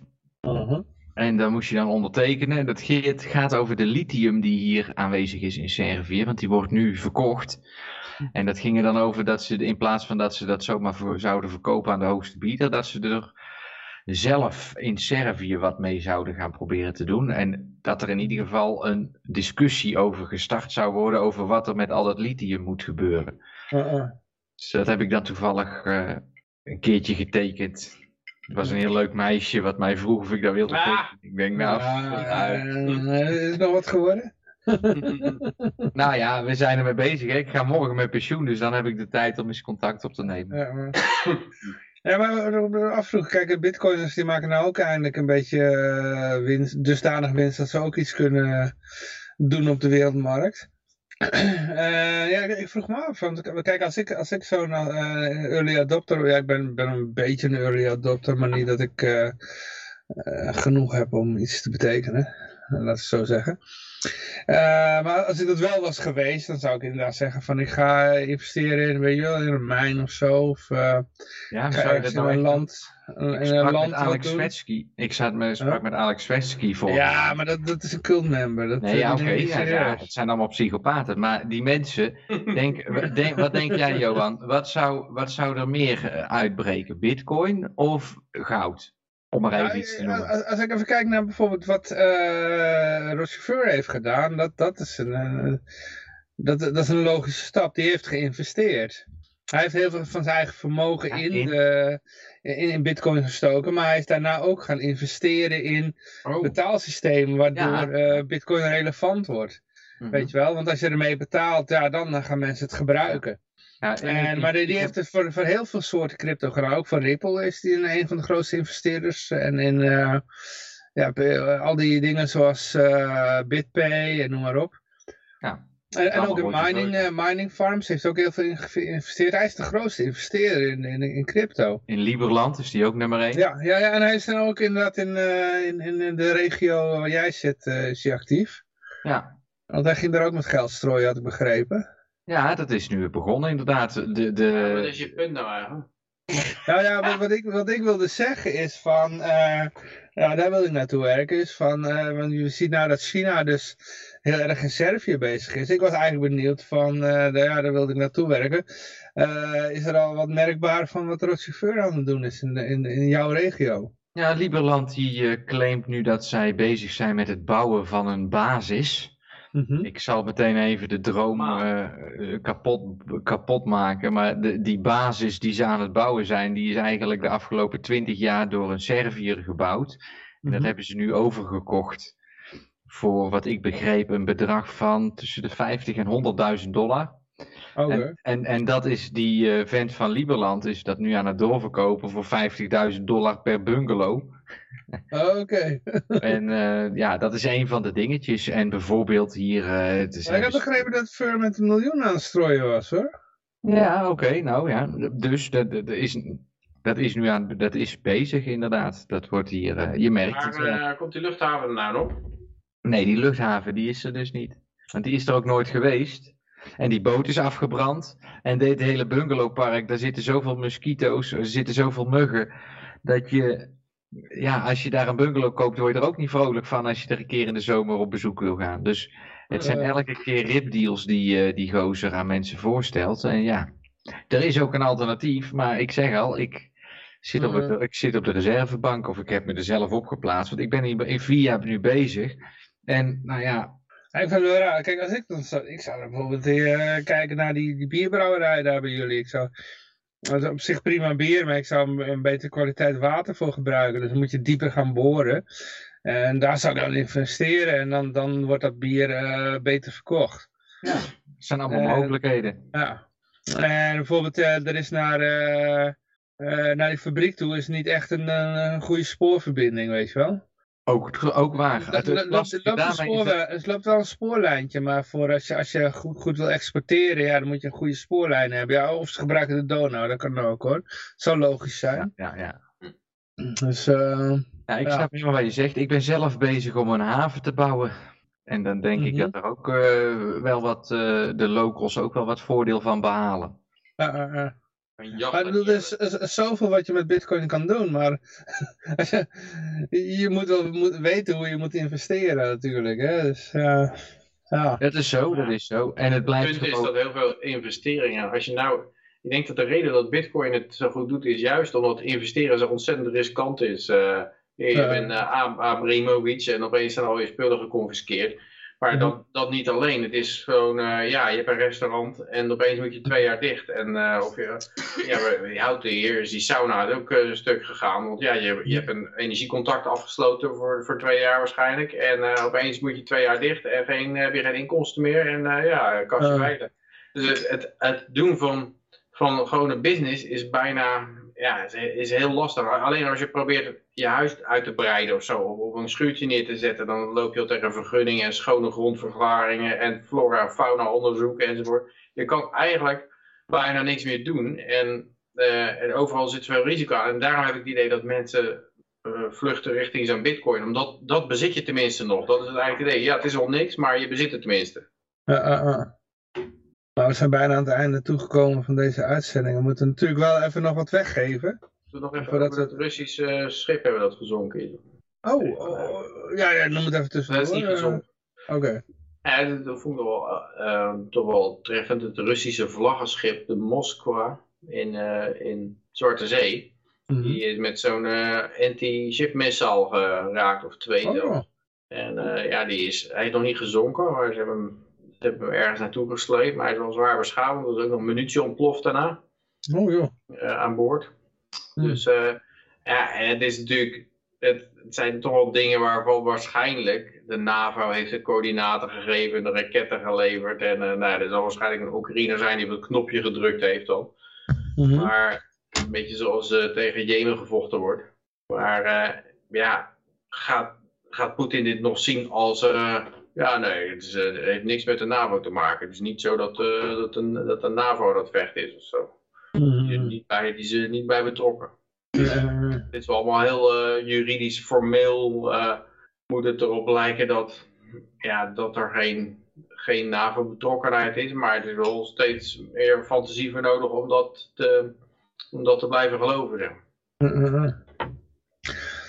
Maar uh, we gaan aan de rad draaien. Dus uh, laatste kans om nog uh, uitroepteken Ron Paul in de chat te typen. Als je op Twitch zit of Stream Elements. Althans, als je YouTube zit, Facebook, sorry. De techniek is nog niet toereikend genoeg om dat mee te nemen. Dus ja, ik geef mensen nog even de kans om uitroepteken Ron Paul in te typen. Anders hebben we gewoon echt heel weinig luisteraars. ja. Um, Goed, ja. Uh, er is nog iets anders wat we voordat we naar het laatste bericht uh, toe gaan, wat we nog even kunnen behandelen, zodat we mensen even de tijd kunnen geven om uh, uitroepteken rond Paul in te typen. Ja, wat vroeg jij? Ik, ik heb nog wel iets leuks. Wacht, oh, oh, ja. nog één hapje. Even zijn mond, mond leeg eten. Of we nog, nog iets hebben, uh, Peter? Wat, we moeten even vol, uh, vol praten. En dan ja. uh, Elon Musk zijn overname van Twitter. Is dat nog leuk? ja, hij heeft al meer dan 10%. Nee, hij heeft een bod gedaan. Nou, op de, op de rest voor 54, uh, 54 dollar per aandeel. Om okay. heel Twitter op te kopen. Jo. Maar uh, ik zie dat na dat bod, dat het nog steeds maar noteert uh, 45, 55. Dus op zich zit er nog gewoon 10 dollar marge tussen de prijs die het nu is en de prijs die hij geboden is. Uh, wat is dan de voorwaarde voor dat bod? Uh, ja, dat de bestaande aandeelhouders dat accepteren, denk ik. Dus, uh, Niet een minimumpercentage of zo van, ik moet minimum 25% kopen en dan pas... Nee, hij wil het hele bedrijf kopen, dus dan dat, gewoon Dat is toch raar dit, want dan zou het toch, dit is 25% verschil, dan zouden mensen toch moeten gaan opkopen voor... Uh... Nou ja, dat is dus meestal als er een serieus bod is, waarvan iedereen denkt van nou, dat zal wel doorgaan. Dan uh, gaat de prijs heel snel naar de prijs van het bod toe. Maar kennelijk is dat hier niet het geval. Dan blijft er gewoon 10 dollar onder hangen. En dat komt natuurlijk, ja, komt denk ik omdat Musk wel eens vaker wat, uh, wat uitspraken doet. Of dat, ze, of dat ze verwachten van, nou, hier gaan de bestaande aandeelhouders niet mee akkoord. Hè. Ja. Mm -hmm. Maar dan, zou je, dan zou je zeggen, dan kan het nog steeds naar die prijs toe gaan in de afwachting van een hoger bod. Terwijl Musk er wel gelijk, dit is mijn final bod, heeft hij er gelijk bij gezet. Mm -hmm. Eigenlijk had Trump dat gewoon moeten doen in zijn uh, presidentsgebeuren. Uh, oh, die heeft niet zoveel geld, denk ik. Nee, ik denk het niet. Nee, denk je van niet? Ja. Wat tegenvalt. Ja. ja. Ik had nog een nieuwtje, of een, iets leuks te melden. Volgende maand is er in Servië een eh crypto-beurs, of hoe zeg je dat? Bijeenkomst. En eh, die zoeken sprekers. En dan had ik van de week had ik een eh, formuliertje ingevuld. Dat ik Yoshi Livo uit Liberland ben. Dus misschien dat ik nog volgende maand ergens op een podium sta. Oh, ja. In Servië. Ik weet nog niet eens zeker of ik er wel heen wil, maar ik, had, ik, ik kwam er toevallig tegen, want ze zijn heel veel aan het adverteren online. En toen kwam dus een van die advertenties kwam bij mij langs. En toen dacht ik, nou ja, ik ben toch in Servië. Als ik nou een eh, leuke hotelkamer in Belgrado krijg voor een weekend, dan maak ik een stream live vanaf die locatie, weet je wel. Ja, ik zat even te kijken waar al die luisteraars zijn, maar ik zie dat FIFA Valentine, FIFA Valentine is wel afgelopen, dus dat zal, daar zal het niet aan liggen, denk ik. Ja, ja, dat is ook misschien ook wel wat ik al zeg, Johan. Ik vind het heel erg leuk altijd met jullie, maar je zit toch inderdaad voor een man of vijf, zes elke keer te praten. Met mijn streams ook, dan haal ik misschien Ah, tien. meer hoor, meer, meer. Ik heb eigenlijk meerdere platformen. Ja, ook tuurlijk. En jij, jij Ja. post ook nog de video achteraf, dus er komen er ook nog. Maar de- ja, je Ja. zit vooral ook met mijn stream. Ik haal echt niet meer dan eh 20 kijkers. Nou ja, Mhm. het kost me zoveel tijd en energie. Dan denk ik, joh, die 20 kijkers, die weten toch wel wat er aan de hand is. Want die kijken alleen maar omdat ze het al weten. En ik Ja, het is breek gewoon entertainment, toch? Het is gewoon Ja, maar ik, breek eh, niet uit de club en het, het is gewoon even weer genoeg geweest. Dus. En hier is het voor de gezelligheid. Hier, hier, heerlijk er om na te eh, denken over hoe die aliens gebruikt gaan worden.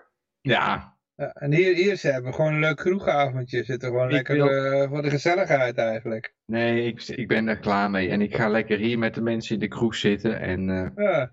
Jij bent altijd welkom en een lekker drankje erbij. En, En eh, dat je maakt kan het zeggen toch- wat je wil. eh. dat maakt het nog makkelijker. Want dan denk ik, nou, als ik over een maand of wat weer, eh, weer terug wil, dan ben ik toch wel welkom. Dus ik ga gewoon even Mhm. van de zomer. eh, de zomer begint nu. Ik moet ook nog een hoop regelen hier met mijn visum weer. Ik moet weer een nieuw visum maken. Ja. Oh ja, en trouwens, ik kan nog wel even zeggen. Oh ja, mensen, mochten jullie eh, nu ingeschakeld zijn, uitroepteken Ron Paul, eh, kun je nog op het rad komen. Eh, als het goed is, volgende week eh, dan eh, komt eh Mannix. eh, tenminste, eh, Mannix, die is nou op dit moment in Galicië. Die vroeg al of hij deze week erbij kon komen, maar die wil dan meteen met vier man komen. Ja, dat wordt een beetje lastig. Dus dan, eh, we gaan even kijken of we dat volgende week even kunnen doen. En dan hebben we een eh, update over eh, Galicië. Want ze zijn nu op dit moment met z'n allen naar eh Galicië getrokken om daar eh, ja, leuke woonruimte te zoeken voor een libertarische community. Ja.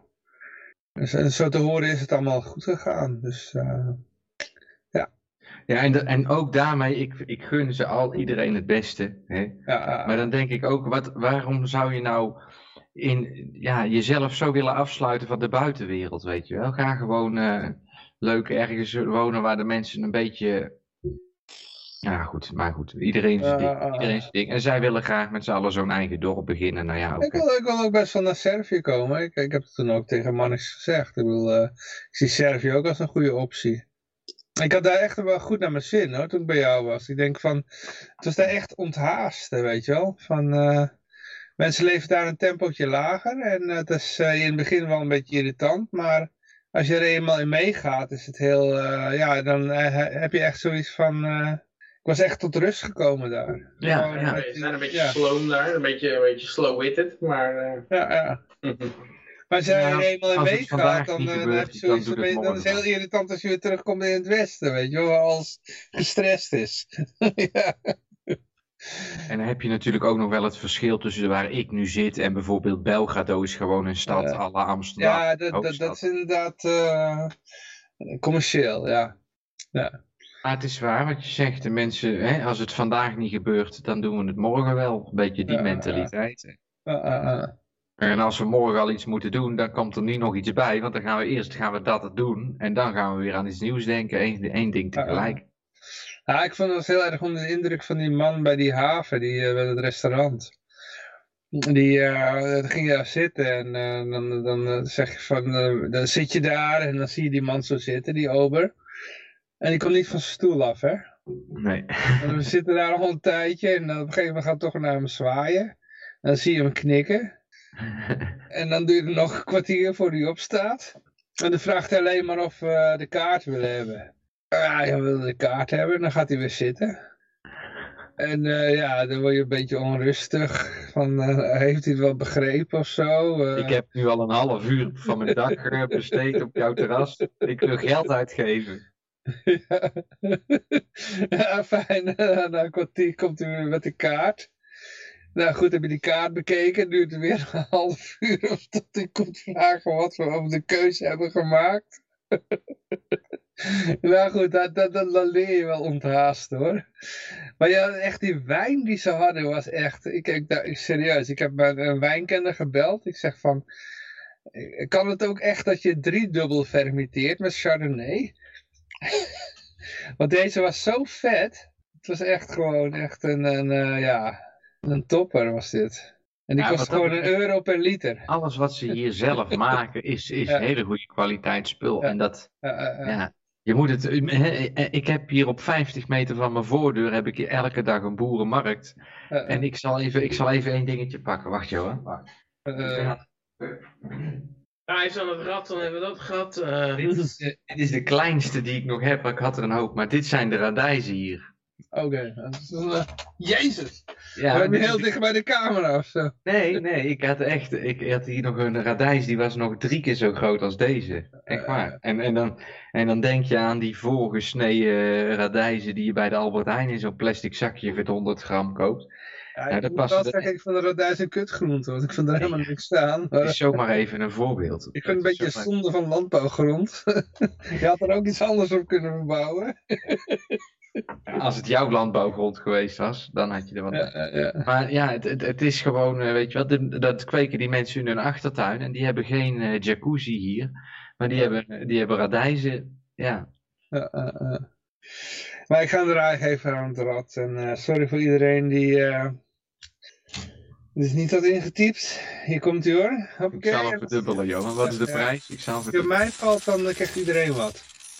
Oh ja. Hij valt op... eh Oeh, hoe kun je dat zien? Op Vrijheid Radio. Iedereen krijgt wat.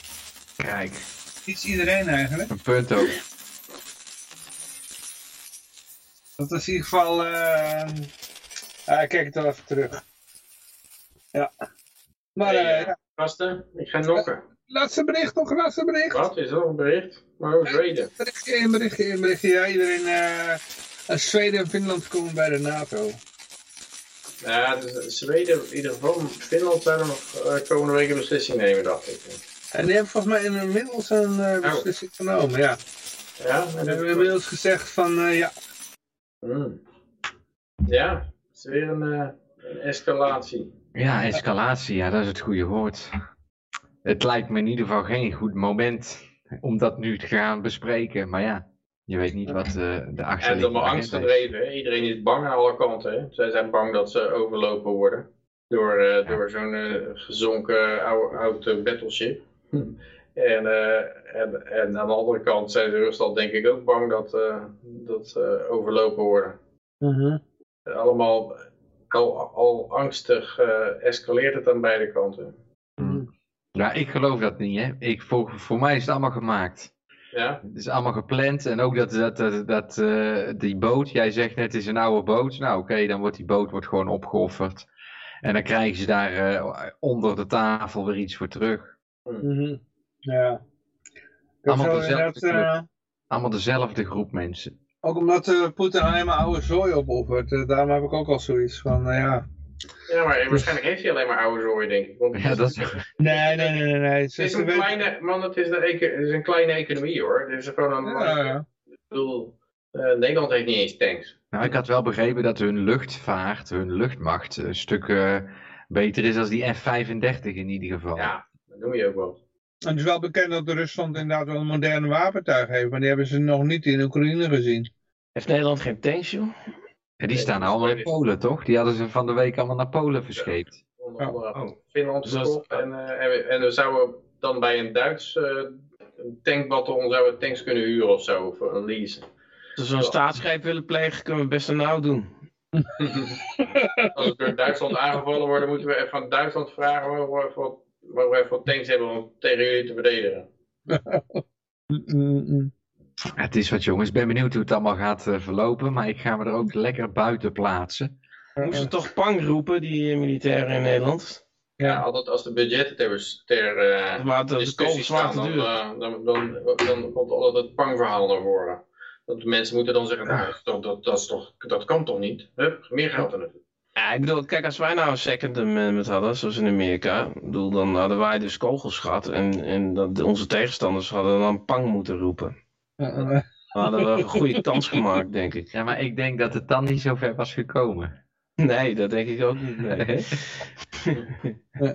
Maar ik denk dat ik in ieder geval naar Servië toe kom hoor. Eh, want, eh, Ja, is- ik ben is vanaf er welke? veel, hebben veel mensen daar gewoon wapens in privébezit? Ja, sinds dat die hele Oekraïne-crisis is, dan is het, is het bij de schietvereniging loopt het helemaal storm. Oké. Eh, hebben ze ook nog wapens uit de Balkanoorlog misschien? Of, of dat Dat weet, ik, ze dat weet ik niet. Maar Denk ze hebben wel, wel, wel hier wapen bezitten, dus ja, heel veel mensen hebben gewoon wapens. Maar mag je wapens bezitten Ja, in Servië? ja, Oh ja? Dan ben je Oh. inderdaad wel veilig daar. ja. Ik heb altijd zoiets van, nou, het meest veilige zit je in, in een gebied met de meeste wapens. Ja, het is wel grappig. Ik had een paar vrienden hier en die zeiden, nou iedereen die loopt zich helemaal eh, op te fokken voor dat Oekraïne. Die zit allemaal te schieten op de schietbaan.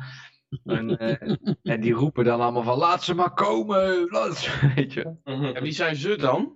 Ja? NAVO. hè? Nee, NAVO. NAVO. NAVO is hier de vijand, ja. Het, Eh, NAVO, maar waarom zou NAVO naar Servië gaan dan? De- Zijn ze er bang voor? Ja, Nee, toch? dat hebben ze wel eens eerder gedaan. Ja, Ja, oké, in het maar- verleden.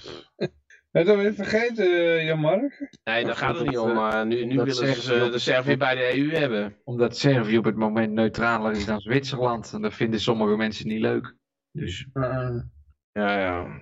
en omdat Maar, ze eh, hetzelfde taal spreken, hetzelfde geloof hebben. De, de, de, gaat echt, de NAVO gaat het echt niet lukken om Servië van Rusland af te weken. Want Ja, nee, oké, maar binnenvallen is een ander verhaal natuurlijk. ja, ja, ja, sancties. Kijk, eigenlijk zou ik nu, maar dat wil ik dus niet. Maar ik heb hier een bedrijf, Servisch bedrijf. Ik kan alle Russische producten kopen en die kan ik zo doorverkopen naar Nederland. nou, Alle caviar en Daar dat je met pensioen gaat. Nee, nee, want ik ga er, ook, eh, ik doe er niet aan mee. Ik ga er niet aan verdienen. Alleen, fertilizer. ja, bijvoorbeeld allerlei dingen. Nou, nou, doen, doen. Ik dacht zelf maar- Nou, de fertilizer is een heel belangrijk product. Kunstmest is ook zo'n functie. Ja, dat wel, ja, dat is kunstmest ook. Dat is wel goed. eh, Toch? niet meer. Is een heel, een van. En en er zit een enorme behoefte daaraan. En ja, ik bedoel, eh, als je kan verkopen, doe het. Ja. Ja. Ik heb het wat dat betreft eh, nog steeds zo luxe dat ik het ook niet nodig heb. Dus ik, eh, Nou ja, voor bitcoins verkopen. Je, je, je loopt natuurlijk enorme risico hierbij. En voor e-gulden, ja Ja, inderdaad. je wilt toch, je wilt toch van die e-guldens af? Ja, inderdaad. Ga je, ga je ja. eh, Russische vodka en Je, je kan bij mij eh fertilizer kopen alleen voor e-guldens. Net zoals die, theorie kan ik het doen. net zoals die eh, Russisch gas alleen maar in roebels mag worden afgetikt. eh, weet je wel? Dan ga je alleen maar jouw producten in e-guldens. En in Eh. Rusland kan je het voor bitcoins kopen. Maar het punt is, ik doe dat dus eigenlijk al. En daarom ga ik er nou maar mee stoppen, want voor- voor, ik, eh, heb geen, ik heb geen omzet. Oké. Ja, maar dan Ah. koop jij fertilizer en eh, gooi het op de Nederlandse markt voor Ja, e-guldens. dat kan, ik kan het doen. Kan het doen. Ja, Alleen, ja. ja, dan, dan verdien ik geld aan oorlog. Daar heb ik geen zin in. Nee, je verdient niet aan de oorlog, gewoon aan de handel. Kijk, iemand wil iets van A naar B brengen. Ja, jij zit ertussen. Ja. Ah, dan ben je met middelman. Nou jongens, dat was het Ja. dan weer. Ja, ja, ja. Yes. Nou, ik, eh, Ik moet gaan slapen ook, dus... ik eh, eh, wens jullie nog een prettige dag. ja, Nee. ja. Weet jullie ook. Eh, ja, goed, eh, de- ik ga even afkondigen, beste En mensen. Dankjewel voor het luisteren. Eh, uiteraard, uh, deelnemers, dank eh, wel voor het deelnemen. Uiteraard zijn we volgende week weer. Ik wens iedereen een vrolijke en vooral heel erg vrije week toe. En ik eh, zou zeggen, toeledoki. Ik moet nog even ja, het scherm erbij halen. Eh, waar de fuck zit die eindtune ook alweer? Eh Ja, ik ook hier, oh, hartstikke idee. En red maken. Te eten. Oké, een rap. Een rap. Een rap. Oké. gaan we ook uh, raps maken.